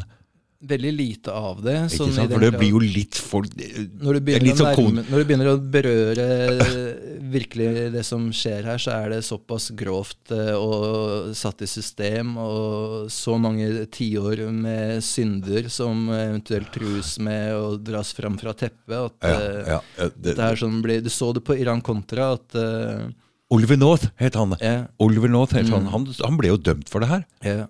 Så det, det er jo ikke Han hadde, han hadde jo en dagbok hvor det sto det, hvor, hvor han beskrev flere tonn kokain som ble skippa ut fra Ilopongo, som var en sånn base CA brukte i mm. i El Salvador for sånne landinger og sånn. Men du, han sto jo igjen som en slags nasjonal helt, han, selv om han ble dømt. Eh, Det er litt eh, ironisk. Det er men, litt eh, ironisk, ikke sant? For der ble det innrømt at det ble smugla kokain. Og, eh, så der ble de tatt med buksene nede. eh, Ennå så sto han der stolt i uniformen sin og Ja. mente han var en ekte nasjonalhelt. Ja. Selv om han var borti den dritten der. For å bekjempe kommunismen så må målet hellige midler, vet du. Ja. Da kunne man smugle tonnevis med kokain, hva? Eh. så, ja, så ting er dokumentert, men uh, fordi hele systemet har mye å skjule, så Og disse, disse Clintons har jo gått videre fra Arkansas og oppover i politikken, ikke sant. Ja. Så jeg tenker at eh, forbindelsen til organisert kriminalitet ga seg jo ikke på 80-tallet. Den har jo bare blitt videre eh, etablert. Nå er vi inne på og snakker eh, Ja, men, men jeg, jeg har sett den Clinton Chronicles eh, La oss si forrige gang, altså Mm. etter 9-11. Eh, Jeg ser så store likheter mellom den greia der og det dypdykket ned i Hva skal vi kalle det? Uh, dypdykke ned i ting og tang. Et- Veldig, som- veldig, som- veldig som- interessant, uh, og jeg håper at dette blir uh, belyst uh, på alvor. sånn at, eh, Mm. For den, den der såkalte good guys, bad guys, det er en eh, veldig overforenkling som ikke holder mål når du ser nærmere på det. Mm. Bak disse store narkobaronene som er så kjente og demonisert, så har det alltid vært banker som eh, tar imot alle pengene deres. Og mm, hvitvaskningen eh, det, det er jo ingen som, av disse banktoppene som noen gang får, de får noen bøter de betaler for å ha hvitvasket x antall milliarder osv. Og, så videre, og Mm. tilrettelagt for det. Men eh, det er såpass satt i system at det er bare en liten sånn smekk på fingra som de tjener på en måned igjen gjennom å fortsette med det de driver med. Og så har vi han Norega òg, Manuel Norega i Mm. Panama, var det og Han samarbeida jo med amerikanerne før til de plutselig fant Og, ut at og Kali-kartellet og Medellin-kartellet, som eh, lot alle bruke flybasen i Panama så lenge de betalte eh, troppene til Norega. Da. mm. Og det mest interessante egentlig med Norega for eh, oss i, i Norge, i hvert fall, er jo at Mike Harari, som var den Mossad-agenten som eh, tok livet av en kelner oppe på Lillehammer i 72 Ja. Etter dette, så dette, Han ledet Mossad sin drapsenhet på den tiden der, men han fikk sparken etter dette drapet på Lillehammer fordi det ble såpass eh, Det var en flause. Da var det han som forsynte Norega med våpen? Han, etter dette så dro han og ble Norega sin sikkerhetsminister og tilrettela for Mossad sin eh, våpen- og narkotikahandel i regionen. Nå er du inne på Godt dokumentert. Godt dokumentert, ja. Mm. Han døde, døde visstnok for noen år siden, han Mike Harari, da, men man vet aldri. Nei, for det, og det, når vi er inne på det der Lillehammer-drapet, det har jo ikke veldig mye med narkotika å gjøre, så Men det var jo, da, da, det, I det lille man så der, så så man jo hvordan etterretningstjenestene også er knyttet til Norge og trekker i trådene når eh, det er eh, ting som eh, berører nasjonal sikkerhet osv. mm, Sånn. mm. Og hun eh, som skøyt, hun ble jo gift med en høytstående jurist her i Norge etterpå. Mm. Hæ? Jeg kjenner ikke detaljene av enn eh, Harari rundt det bildet der. Men, Ja. men eh, Så ting er ikke sånn vi tror. Nei, Harari selv figurerte som mistenkt i drapet på et dusin amerikanske soldater. Som, for det var en operasjon som het Operasjon Watchtower, hvor de hadde sånn radiotårn opp gjennom Sør-Amerika, hvor de kunne lage en sånn luftkorridor hvor de militære fløy anonymt, da, uten at eh, tollere og sånne ting plukket de opp på radaren. Okay. Så når denne operasjonen var egentlig underlagt DIA, og så skulle den eh, Og så var det Bush senior som eh, laget The South Florida Drug Task Force, Mm. som hadde kontorer i samme bygg, eh, hvor de og, på en måte Så det var en operasjon for å ta over denne Watchtower-operasjonen. Ja. så, og I den forbindelse var det en dusin amerikanske soldater som eh, gjennom, prøvde å motsette seg dette her, da, og som dukket opp eh, døde underveis. da, og Mai Karari fungerte som mistenkt i flere av disse drapene. her. sånn. Har du skrevet opp alt dette i boka di, siden du kan såpass mye om det? Ja. Dette var på en måte det jeg leste om når jeg var i 20-åra. Ikke sant? For det var etter, eh, etter dette tårn... tårn eh, Ja, jeg skjønte bare at eh, Først så begynte jeg å fascinert av Pablo Escobar og disse folka. Så skjønte jeg at det er noen folk eh, videre forbi her som også gjør dette her mulig. ja. Og da var det disse navnene som dukka opp. da. Mm. Har du sett den Pablo Escobar-serien? Netflix-serien. Den var kul, da. Mm. Det var en fyr fra Chile som kom og sa du, jeg har noe greier her som kanskje kan være noe interessant, eller? Så gikk det bare noen år, så var hele Amerika så De svømte i penger. Herregud, for en oppfinnelse kokain var. Mm. Hæ? Og dette var jo de, Ikke sant? Sånn Etter hvert så var det jo paramilitære grupperinger som tok over for Medellin-kartellet og sånn. Ja. Så disse kartellenes tid forsvant, men det er jo korrupsjonen stakk bare dypere derfra. Mm. Det er så mye penger, vet du. Men så mye penger Penger er energi. Hvis du ser, det er jo resultatet av Hvis du ser hvor mye energi du må legge inn, jeg f.eks., for, eksempel, for å løpe rundt og legge all den energien for å få den, de pengene. Så det er jo komprimert energi. Mm. Og ø, energi trekker folk til seg. Mm. Penger, altså, penger energi, det, det, det, suger bare folk til seg. Hvis du slipper en bunke penger et eller annet sted og vil ha til noe, så trekker det folk til seg, for det folk suger til seg folk. Og det er jo derfor ungdommen trekkes til disse miljøene òg. Det er jo derfor det er eh, rekruttering i narkotikagreiene også. Før de får stopp på det, så vil det ikke skje noen ting. Det er eh, nok av hvis, hvis du fjerner en brikke fra dette spillet, her, så vil det bare erstattes av nye. Så jo mer, og det ser ja, Ja, ja, man også, jo mer Ja. Mm, politiet blander seg inn i dette markedet, jo mer vold kommer det bare ut av det. Ja. Så legalisering er egentlig eneste veien å gå her. Mm. Og det vil forandre verden Ja, det til et bedre sted. Jeg det. Ja, jeg ser jo det nå, når samtalen begynte å gå litt dypere inn, og se hva slags krefter som egentlig er involvert i denne, dette her. Det er en floke som aldri kommer til å løse seg uten et regulert marked. Og det regulerte markedet vil jo i begynnelsen eh, ha et forsikt, gjøre et forsiktig innhogg i det kriminelle, for det vil jo fortsette en stund til. Men Mm. ja, det vil eh, fortsette en stund. Mm. avhengig av hvor fornuftig man regulerer dette, er, sånn, så kan man i hvert fall bøte på dette skadebildet. Da. Da skjønner jeg hvilken viktig oppgave du har, og hvilken viktig oppgave du gjør. Fordi ja, nå er det jo sånn at he, hele verden ser egentlig litt mot Norden, hva slags modell vi har her oppe. Så med på å forandre på noe her i Norge, så vil det faktisk forandre på ting i hele verden. Så hvis vi får til noe her, og det, og det vil gjelde alle ting, så vil det faktisk Og da ser vi at du, du har en veldig viktig For du har en veldig god dybdeforståelse av hva som foregår her, og hva slags konsekvenser og hva slags uh, ting som er i gjære, og hva slags jeg, har- jeg har ikke helt sett Jeg har visst om alle de tinga, men når vi snakker om det nå, så ser jeg det mye, mye tydeligere. At hva slags konsekvenser Jeg har skjønt liksom litt på det mm, Hvis de vil ha slutt på det, så må de egentlig bare få bort alle de penga. altså, hvis ikke så suges ungdommen mot det, og det vil aldri ta slutt.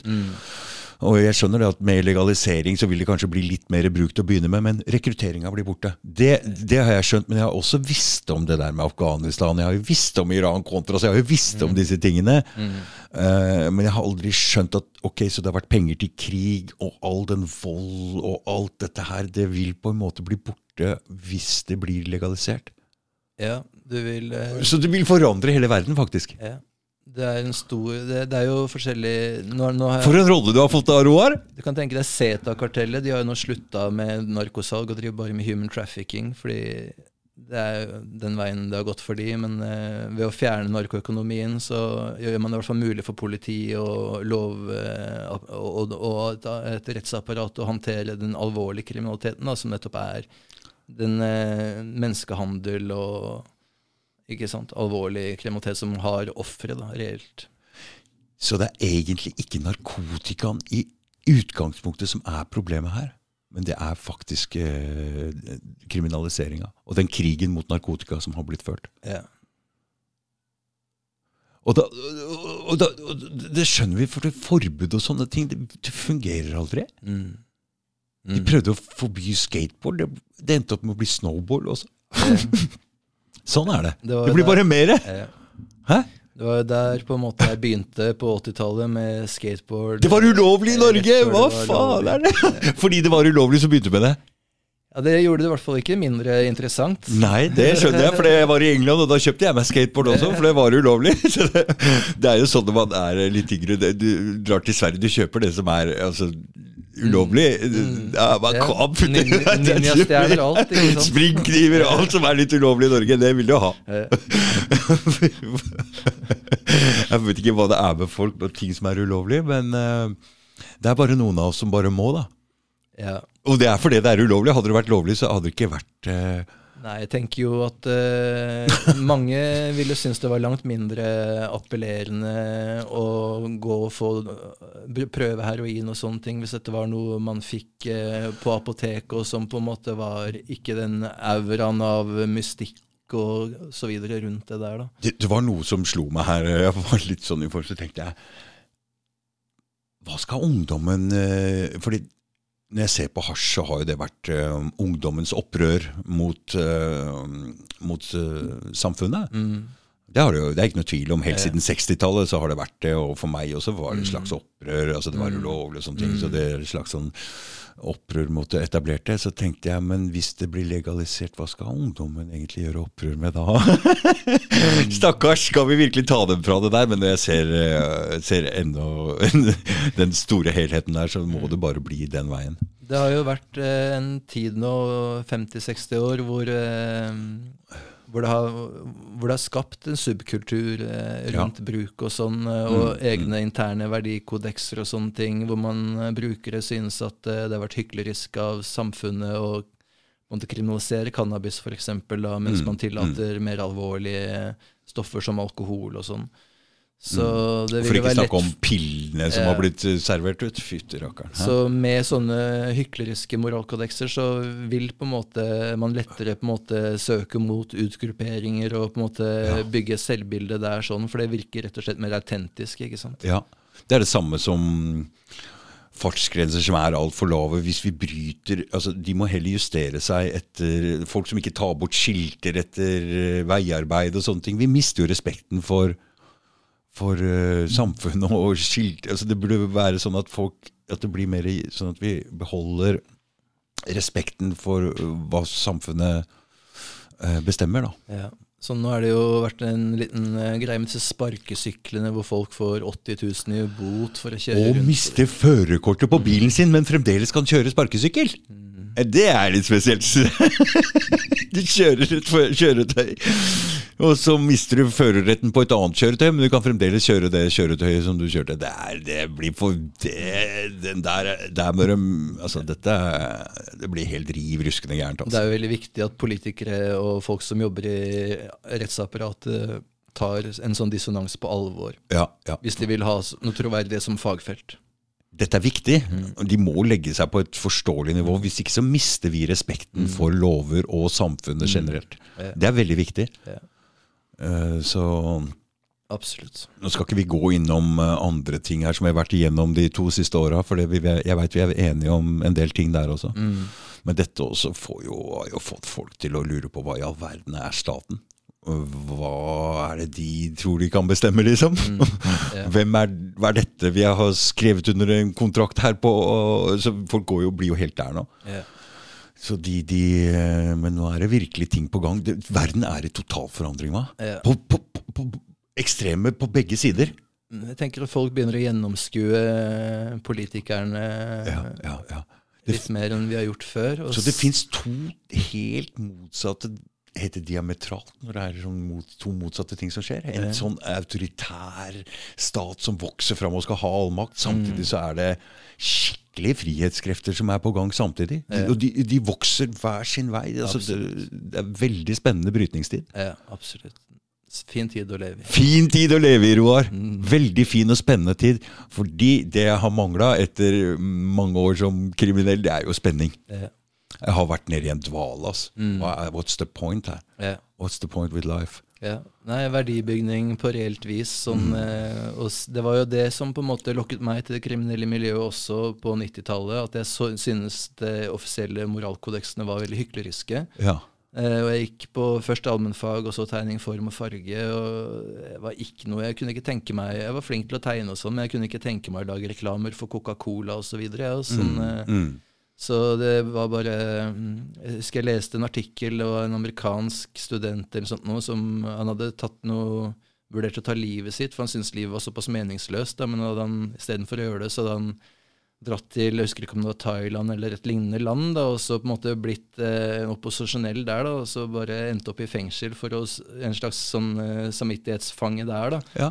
Eh, så jeg så på en måte tidlig sivil ulydighet som en vei å gå når eh, du som borger gjennomskuer et korrupt system. Mm. Og det er på en måte veien til systemets hjerte er jo denne prøvelsesretten på loven. Mm. Som eh, i den grad folk bruker denne her sånn, så kan man komme noen vei selv om den politiske prosessen har feilet. Mm. Så lovsystemet er veien å gå? Det kan være det, men Kan det er jo gjerne like korrupt der, så Ja, ja. Nå har jeg hatt tre podcaster på rad som bare river i stykker den rettssikkerheten vi har her. Mm. Baneheia, Ja. en varsler som var innom her og fortalte om rettssikkerheten til varslere, hvordan det er ikke-eksisterende, og hvordan domstolene feiler. Mm. Og så nå Gro Hillestad Tune med barnevernet, og hva slags Der er jo også mm. menneskerettighetene veldig dypt involvert. Mm. Og hvordan de brytes hele tiden. Så vi kan ikke stole helt, men nå ser vi jo at Høyesterett Men det var etter hvert som, etter hva jeg skjønner, er Riksadvokatens Ja, Har vært inne i bildet her, og, og så Høyesterett ivaretok absolutt ikke rettsstatsgarantier for de forfulgte grupperingene på rusfeltet. Det er sånn Før Riksadvokaten gikk inn og De gjorde ikke det etter. Hele analysen til Høyesterett der er en totalt bom ut fra rettsstatsprinsipper og sånn. Oh, ja. Så det er ikke så bra som vi skulle ha det til, nei? Nei, som, nei, nei, som jeg ikke har gått inn og sett på det. Jeg har en Mm. artikkel om det som heter 'Lappverk på makkverk', hvor jeg viser hvordan eh, Fordi, Høyesterett har Roar, du har veldig mange artikler eh, på trykk nå, både i Aftenposten, VG, og du skriver så hva skal jeg si, voksen. du bruker så mange fremmedord. Du, bruker, du må skremme livskiten ut av disse folka, for deg er det ikke lett å argumentere med. altså. Hæ? Det er jo prinsipp... For du er en veldig smart mann. Den boka The Human Rising eh, er jo en tjukk blekke, skrevet på engelsk. Mm. Jeg skrev den først på norsk i mellom 2009 og 2010. skrev jeg den først på norsk, Og det var det som ble brukt eh, som en prosedabel påstand mot narkotikaloven eh, når jeg gikk gjennom rettssystemet. For jeg har gjort dette en gang før også, skjønner du. Ja. Jeg ble tatt for en cannabisplantasje i 2004 eller 2005. ja. Eh, og da også gjorde det gjeldende at eh, narkotikaloven eh, forbrøt seg med menneskerettighetene, og at vi ville ha en kvalitetssikring av lovgivningen her. sånn. Var du en som alle fløy til inne i fengselet når du sona for dette her, og og hjelp med alt mulig, eller? Ja, det var i hvert fall en veldig hyggelig tid for meg. Jeg satt jo på en åtte og et halvt års dom eh, etter det der. sånn. Ikke sant, for du vet, Det er jo alltid noen inne som folk flyr til for å få hjelp med alle papirer og alle saker. For det er jo mange som føler seg uskyldig dømte og gjort feil og må ha hjelp med både søknader og alt mulig. Ja. Jeg tenker du var en sånn en. Ja, jeg, var, jeg også var mye for meg sjøl. Jeg jobba egentlig 14 timer i døgnet på cella. Og oh, ja. men jeg var jo en time ute i luftegården hver dag, da, og da var det jo noen runder. Eh, Ja.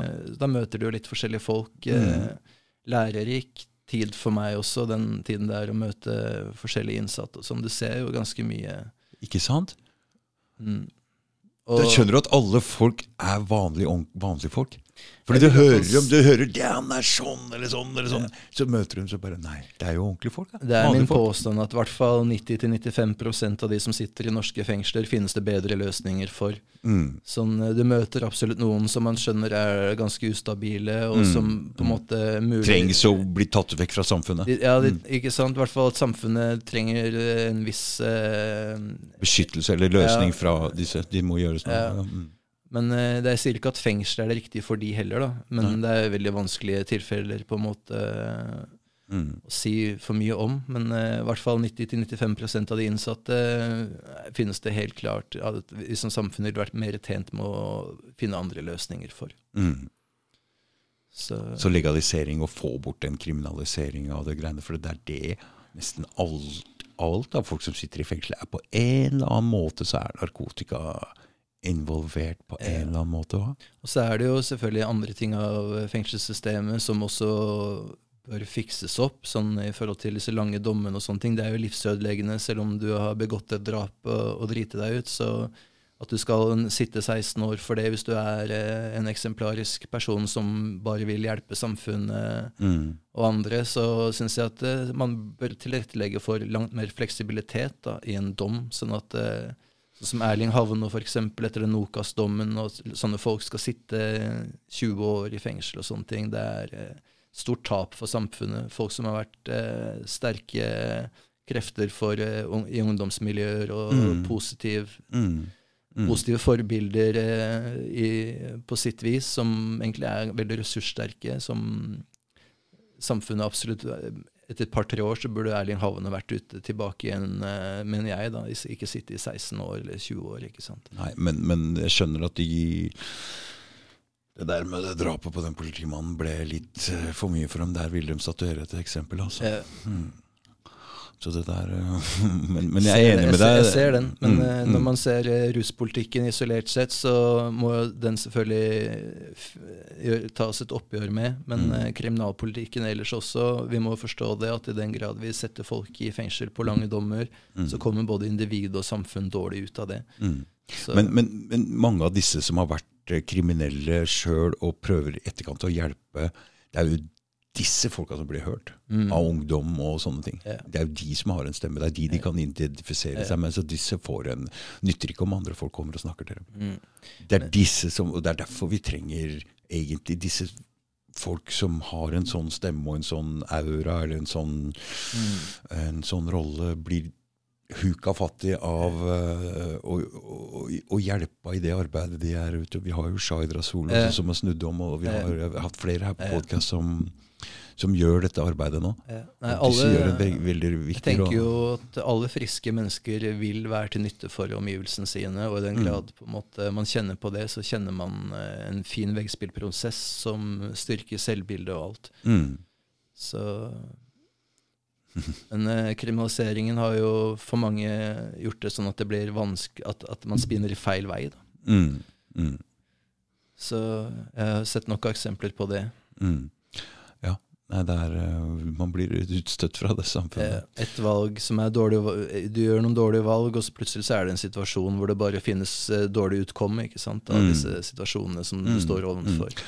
Ja, jeg er jo fullstendig klar over hvilken spiral jeg var nedi sjøl også. Eh, Det, men jeg har jo hatt en sånn greie når ting blir for dårlig. Da vil ikke jeg fortsette å bruke stoff og sånne ting. Bare, det er nok slitsomt å gå av og på det stoffet som jeg har brukt. Da. Og det er ganske psykisk sånn Stille livet ditt er helt for jævlig. Da har jeg bare slutta. Altså. Og da har jeg skjerpa meg. Da har jeg begynt å jobbe eller eh, begynt på skole eller sånne ting. For at jeg, gidder ikke eh, Ja. Og det er jo nettopp det også når det gjelder rusmisbruk, så er alle individer som sliter med et rusmisbruk, kjenner jo dette mer og mer på kroppen og på hverdagen sin, at eh, dette er ikke noe gøy lenger, at eh, belastningen er blitt for stor, Mm.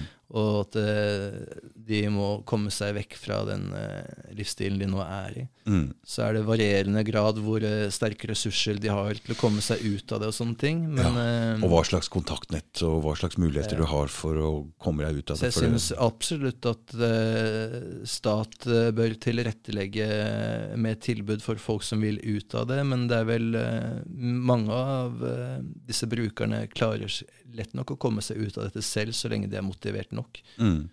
Så, men kriminaliseringen gjør det jo langt verre for mange å på en måte bygge ressurser da, til å komme seg ut av et misbruk. Mm. Men Det det, beste, beste er jo å få en oppgave hvor du kan hjelpe andre. Ja.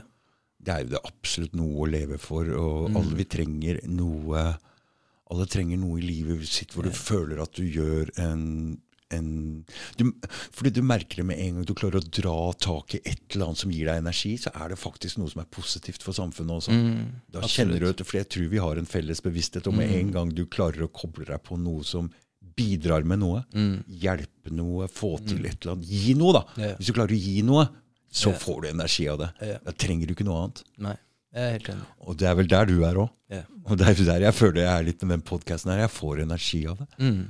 Det blir verdt å leve. Mm. Man, og det, alle trenger det. Du kan ikke bare ha jobben. eh, altså, jeg skjønner det. Men, men bare for å si det også, så når du var innom det med Coca-Cola i stad, så har jeg en fyr som jobber for Ringnes, eh, og han sier det er veldig bra, kom og jobb for Ringnes. Og så sier jeg, men sier, Det er jo bare drit dere kjører ut. Mm. Hva faen, det er bare øl og, og brus og den dritten der. Altså, jeg, jeg, jeg, det er litt viktig hva man jobber med òg. Ja. Jobb, er jobben din noe bra, eller er det, skal du kjøre ut øl? Altså, jeg drikker jo ikke jeg, jeg, brus, og det er ikke bra, det greiene der. Hæ? Mm. Nei, det er jo Jeg vil ikke ha det, den jobben, Det er da. vans vanskelig å si hvordan en gjennomsnittlig narkotikaselger har gjort noe mer moralsk forkastelig enn en som jobber på Kongsberg våpenfabrikk, for å si det sånn. Ja. Så det er litt viktig hva man gjør òg. Man kan ikke Mm. bare Det er én ting med penger. Det er ikke bare penga. Du må ha noe mer, og du må ha, få selvtillit. Du må få en god følelse av de penga. Du kan ikke gå og hente penger hvor som helst. Mm. Ikke sant? Så er det vi som samfunn må på en måte ta litt ansvar for hvilke jobber vi skaper. Hvis staten utlyser en stilling som bøddel, så vil det alltid finnes en eller annen idiot som vil søke på den stillingen. Så vi må som samfunn på en måte se litt hva slags jobbmarked vi tilrettelegger for. og sånn. Ja, for vi har jo hatt Jeg skal ikke dra den greia der, men det har jo vært utlyst noen stillinger som jeg ikke Ja ja, lykke til, sier jeg bare. Eh, Fader. tenker det må koste det, det, det er jo vel egentlig sånn som systemet er lagt opp i dag, så er det vel sånn at eh, integritet må bare skrelles bort for at du skal komme deg noen vei med dette systemet. ikke sant? Ja. Mm. Jo nærmere toppen du er i enhver sammenheng, jo mer eh, på en måte har du kjent på en måte at du må gå på akkord med din egen integritet underveis. Og da er det ikke noe særlig hyggelig å ta fleinsoppro her. Da må du ta et lite oppgjør med For det, det, sånn er det da. Altså det, da må du bare gå inn i deg sjøl. Og da får du, hvis du lever et liv hvor du ikke helt tatt har vært innom der og titta litt, Mm. så får du deg en karamell. Altså. Ja. For det der er sannheten brutalt slående. Og da er det jo gjerne en personlig krise som enten for, i form av et fengselsopphold eller en eller annen kritisk sykdom eller noe sånt som gjør at folk tvinges til å ta et oppgjør med seg selv og livsstilen sin, selv om den Mm. har vært tilsynelatende vellykket ut fra, Mm, mm, ut fra på en måte Ja. aksepterte standarder. mm. Så er prisen for poppen ikke verdt det, da. Nei, folk er for høye på pæra, men, men, men nå går vi mot en eh, økonomisk kollaps og en krise her. Ja. Og da er, håper jeg at det blir tid for folk å gå litt i seg sjøl. For det, det trengs. Okay? Det, man, vi ser, jeg ser det på alle som er innom her på podkasten. De har fått seg en eh, de, har fått seg, de har blitt nødt til å gå i seg sjøl. De har fått en karamell. De har fått, vært i en personlig krise. Og du blir nødt til å ta et oppgjør med deg sjøl. Og jeg tenker det blir lettere når man på en måte, En økonomisk krise kan jo også være det samme. ja. Absolutt. Så jeg tror det er Strømprisene nå osv. Tenk deg hvordan denne vinteren kommer til å knekke store deler av samfunnet. Du, jeg var jo og spiste på en restaurant her nå. Jeg bare spurte litt hvordan eh, det står til etter covid. Mm. Måtte selge flere av bedriftene. De har tatt opp store lån, ikke sant. Mm. Sparker ansatte. Sannsynligvis vi lever nå på ganske minimum, og nå kommer strømpriser og renter. Og Mm. Det blir vanskelig å overleve som uh, liten bedrift. Mm. Absolutt. Så at vi får noe At vi går noen spennende tider i møte her. Mm. Det, så det er godt vi knytter kontakt, og, nå er det godt å ha et nettverk med mennesker. Det er jo alltid interessant i slike tider som nå, hvor polaritetene blir sterkere og sterkere. Det gjør det. Mm. Så, og det tyder jo på at et, eh, vi er inne i et paradigmeskifte. Mm. At det gamle har utspilt sin rolle. Og Det er helt tydelig. Mm, det er sant. Nye Mm. løsninger må til, og Ja. mer helhetlig tankegang må til. Ja. Og vi må slutte å stemme på politikere som lyver for oss, ellers så får vi som for sent. Vi må stille krav til politikerne våre. Fordi det er Vi kan ikke skylde på andre. Vi må den pekefingeren Hvis du ser Når jeg peker på deg nå, så er det tre andre fingre som peker på meg sjøl. Mm. Vi må slutte å peke på andre, for Ja. vi får som fortjent. Ja. Hvis vi ikke våkner opp og, står og velger de samme politikerne som Mm. du sier, står og lyver. Mm. Vi kan ikke, Hvordan kan de all verden jeg vil ikke, Det er jo derfor noen av oss blir litt sånn Nei, nå, nå, dette, nå må vi våkne opp sjøl og ta tak her, for dette, dette stoler jeg ikke på. De som styrer her nå. Mm. Dette er løgn. Ja. Absolutt. for de forteller oss én ting, men det er jo noe helt annet som skjer hele tiden. Ja. Nei, håndteringen av covid og Ja. ja, alt underveis. er- Alt underveis. Borgere må virkelig se to ganger på det bildet de får presentert. Og, Mm. Men du, du er den eneste av disse, disse um, folka som kjemper for legalisering, som turte å peke på noe av de tinga der. Mm.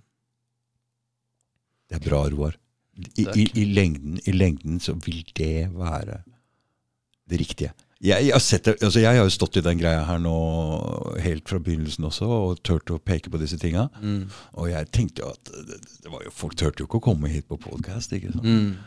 Mm. Du ser det, det, Jeg tror det lønner seg i lengden. For etter hvert som tida går, så vil det vise seg hvem som tør å si sannheten hele veien. Og jo lengre du har hatt denne podkasten her, jo lettere blir det jo for andre folk som har vurdert det, også møte opp. ikke sant? Ja, ja, ja. Nei, er ikke, nå er det ikke så kontroversielt lenger å prate om covid. Mm. Nei, det begynner vel etter hvert å bli nok av forskning og så videre på hjerte- og karsykdommer osv. Ja, som eh, mm.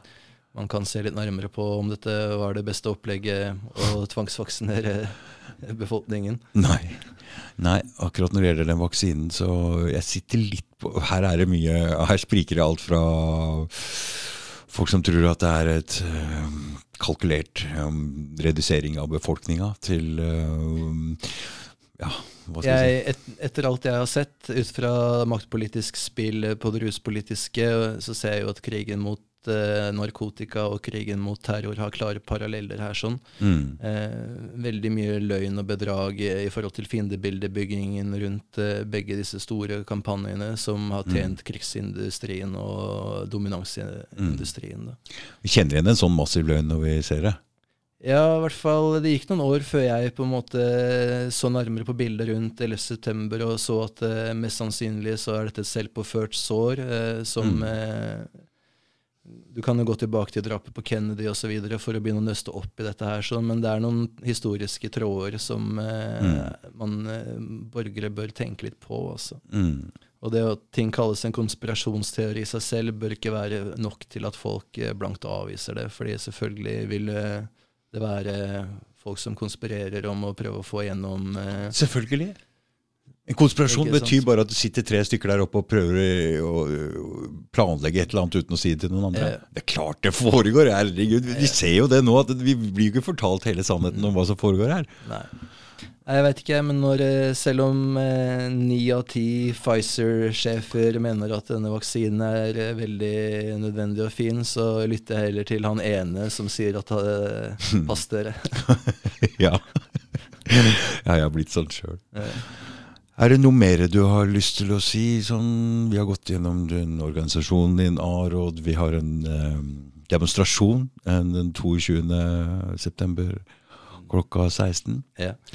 Um, Nei, vi har denne demonstrasjonen, og det er på en måte det store neste som skjer for oss. Og så Mm. blir det å følge denne rettsprosessen eh, videre. mm, Så i den grad folk eh, vil være med på den ansvarliggjøringen av politikere og se nærmere på menneskerettigheter i ruspolitikken, mm, så er dette, tenker jeg, vi kan komme noen vei ganske fort med dette her. sånn, ja. mm. Ja, for det, det, det, det, det skjer ting. Ja, og jeg tenker også at vi har fått veldig gode tilbakemeldinger fra politikere gjennom dette her. sånn. Vi har mm. Rødt og Fremskrittspartiets Ungdom. Å ja, Fremskrittspartiets Ungdom. De har sagt seg villige til å holde en appell eh, den 22. Det er kjempebra, fordi Fremskrittspartiet de er litt sånn derre de, de, de, de, de, de, de er liksom så de skal være for rett, liksom frihet og sånn, Eh. men allikevel så er de så konservative. Når det gjelder, de er sånn dobbelt eh, Det er jo det er noe som ikke er logisk. Når du ser på alkoholpolitikken versus Ja, eh, ruspolitikken, ja, så er. Frp et studie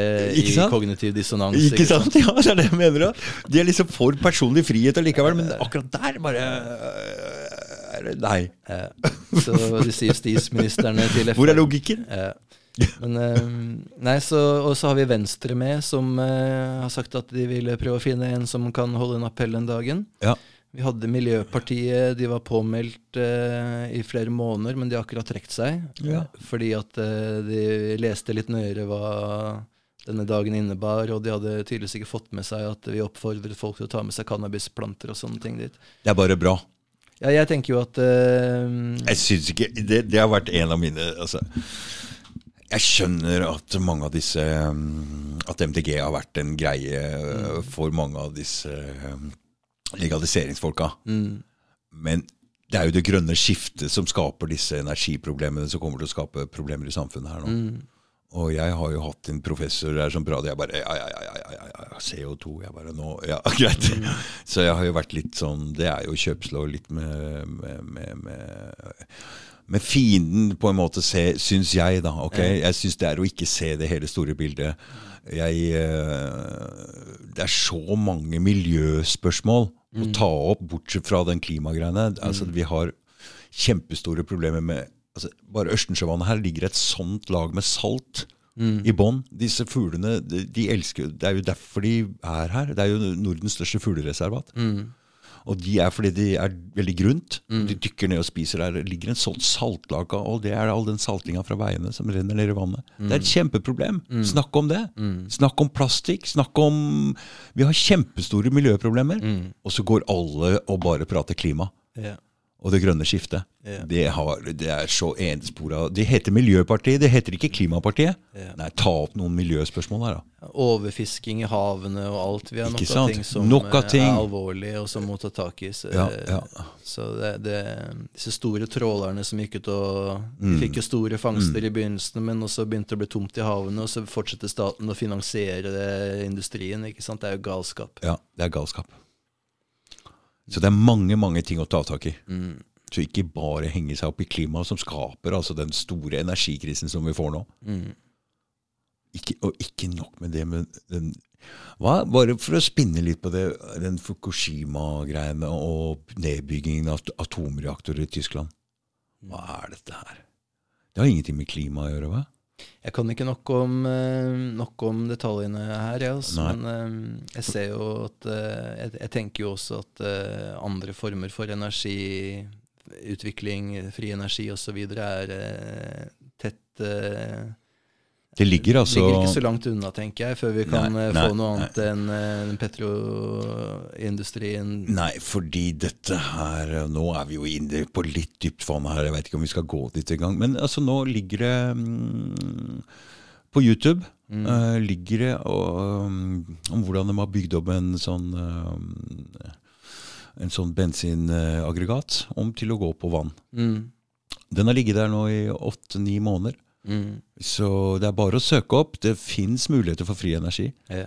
Uh, den lager også hydrogen, så det er ikke noe tull her. Det fins andre muligheter. Og jeg vet ikke hvorfor de lar den ligge på YouTube nå. Jeg har bare sett sånne ting ligge kort tid før. Men. Jeg har ikke gått nærmere. Jeg, gjorde en bok i 2007 som het 'Freedom Forever' på norsk. Eh, som jeg, så litt på det og sånne ting. Og da så jeg jo allerede da at det var flere folk som eh, var veldig interessante mm, her. Mm, mm. Eh, men som på en måte ble tatt livet av underveis, da, sånn rett før de skulle vitne for Kongressen om på en måte ting og tang. Fordi uh, uten å kontrollere energi, så er det umulig å kontrollere verden. Ja. Men det har alt å si. Mm. For jeg sa det i stad, den mm. pengeutbetalinga jeg får, det er rein arbeidsenergi. Mm. Men hvis du har eh, gratis strøm eller gratis kraft, da, mm. så er jo det også arbeidskraft. ikke sant? Ja. Så det er det samme. Energi. Mm. Så ja, nå roter vi oss inn i Det ruspolitiske er bare en bitte liten del av et større, ja, ja, større bilde her.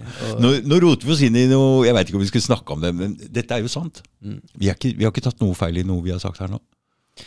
Eller det vil jo kanskje kalles konspirasjonsgreier for noen, men, men så vidt jeg veit, så Jeg syns vi har vært ganske forsiktige med påstandene våre i dag. Sånn det meste mm. kan underbygges eh, Ikke sant, det kan det. Mm. hvis man eh, vil se mm. på dette her. Mm. Så I hvert fall på det ruspolitiske og maktpolitiske området så er det jo langt mer detaljer vi kunne gått inn i hvis vi hadde hatt mm. tid til det. Boka di, den er den Human Rising. Mm vi legger ut noen link og sånt senere hvis noen ja.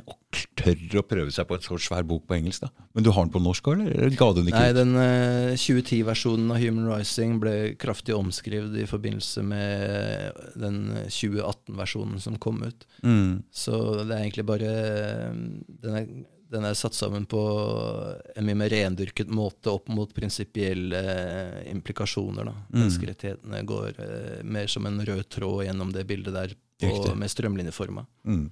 Men vi legger ut en link, i tilfelle noen vil prøve å gå gjennom det. For mm. fall en liten education. Jeg har faktisk lest bøker på engelsk. Det er ikke så vanskelig. Jeg bare hopper over de vanskeligste orda, så får du med deg Ja, og det er jo ikke det mest kompliserte, vil jeg si heller. Eh, jeg får tilbakemeldinger fra folk som leser den, at den er ganske enkel å lese selv om den er på engelsk. Ja. Mm. Så, Jeg ser bare når jeg skri leser artiklene dine, at du skriver jo på Det er jo mye spekka med fremmedord, og du er, som jeg sa, det er veldig sånn Jeg skjønner at de blir skremt. men samtidig så er det jo sånn at uh, jeg prøver ikke å bruke så mye fremmedord. Jeg tenker jo ikke eh, at ord som rettsstatsgarantier og prøvelsesrett eh, og menneskerettighetsprinsipper er så er det noen, større fremmedord? Nei, ikke fremmedord, men det er vanskelig for mange å, å forstå bør- hva det betyr. da, ikke Ja, sant? Men gjennom en, samtale, gjennom en samtale så er det enkelt nok å, øh, nå, å, å, få, å gi en forståelse av hva det innebærer til folk. Da. Mm. For jeg tenker, at folk eh, intuitivt kjenner eh, disse prinsippenes resonans Mm. i seg. Mm. Så um, Dette ble en mye bedre samtale enn forrige gang, eh, syns ikke det, Roar? vi får håpe at kameraet funker. ja, men jeg bruker et helt annet program nå, så han kan ikke ta feil av det. Ja, jeg har kjøpt meg en sånn liten, uh, annen liten boks som gjør dette mye det var veldig, veldig hyggelig å være her og komme hit tilbake. Ja. Nå Neste gang så finner du veien eh, helt til deg sjøl. Du Ja. rota helt bort til Svaneveien her i stad. Mm, Grågåsveien skole. Jeg tenkte hva er dette for noe du prater om? Jeg du visste ikke at det var det her borte engang? eller? Nei, eh, hva, hva, Jeg var 400 meter unna her, da, ifølge GPS-en. Men jeg, Du var borti Men jeg hørte du sa Grågåsveien, eh, så da var du borti Svaneveien der, tenker jeg. GPS-en tok meg jo ytterligere på villspor uh, oh, ja. i noen runder her. Å ja. ja. Men er det GPS-en i bilen, eller bruker du Google Map? på telefon. På telefon? Den, men har du iPhone, eller? Er Vanlig GPS eh, Google Maps. Ja. Google Maps den pleier å fungere her, da. Men kanskje han ville bare tulle litt med det. Tusen takk for at du kom, eh, Roar. Tusen takk takk for at jeg ble invitert. Ja, jeg fikk et bedre bedre forst Det er litt kult når jeg får en bedre forståelse av hva som foregår, og hvor viktig din rolle er oppi det hele. Og det må jeg si. Jeg skjønner hvorfor du er engasjert i det her. For det er viktig, som jeg sa. øh, Det store bildet der, og at Norge kan ha altså Norge, Hvis noe skjer i Norge Det er klart de, de ser mot nord, nord hele tiden. Norge har jo muligheten her til å være en banebryter eh, i forhold til forandring av eh, konvensjonssystemet i FN her. Det har jo vært ruspolitiske konvensjonene til FN som har satt forbudet i system. Og det har jo folk har tatt det for gitt at eh, disse konvensjonsforpliktelsene til eh, narkotikakonvensjonene har vært, eh, gjort det umulig å regulere et, disse, dette markedet. Men man ser i dag at det, det stemmer ikke, og at eh, selv i disse ruspolitiske konvensjonene så står det at eh, de er bare gyldige så, langt, så lenge de er eh, i samsvar med et lands konstitusjonelle prinsipper. Mm. Og et lands konstitusjonelle prinsipper det er likhet, forholdsmessighet, selvbestemmelse, frihetspresumpsjon.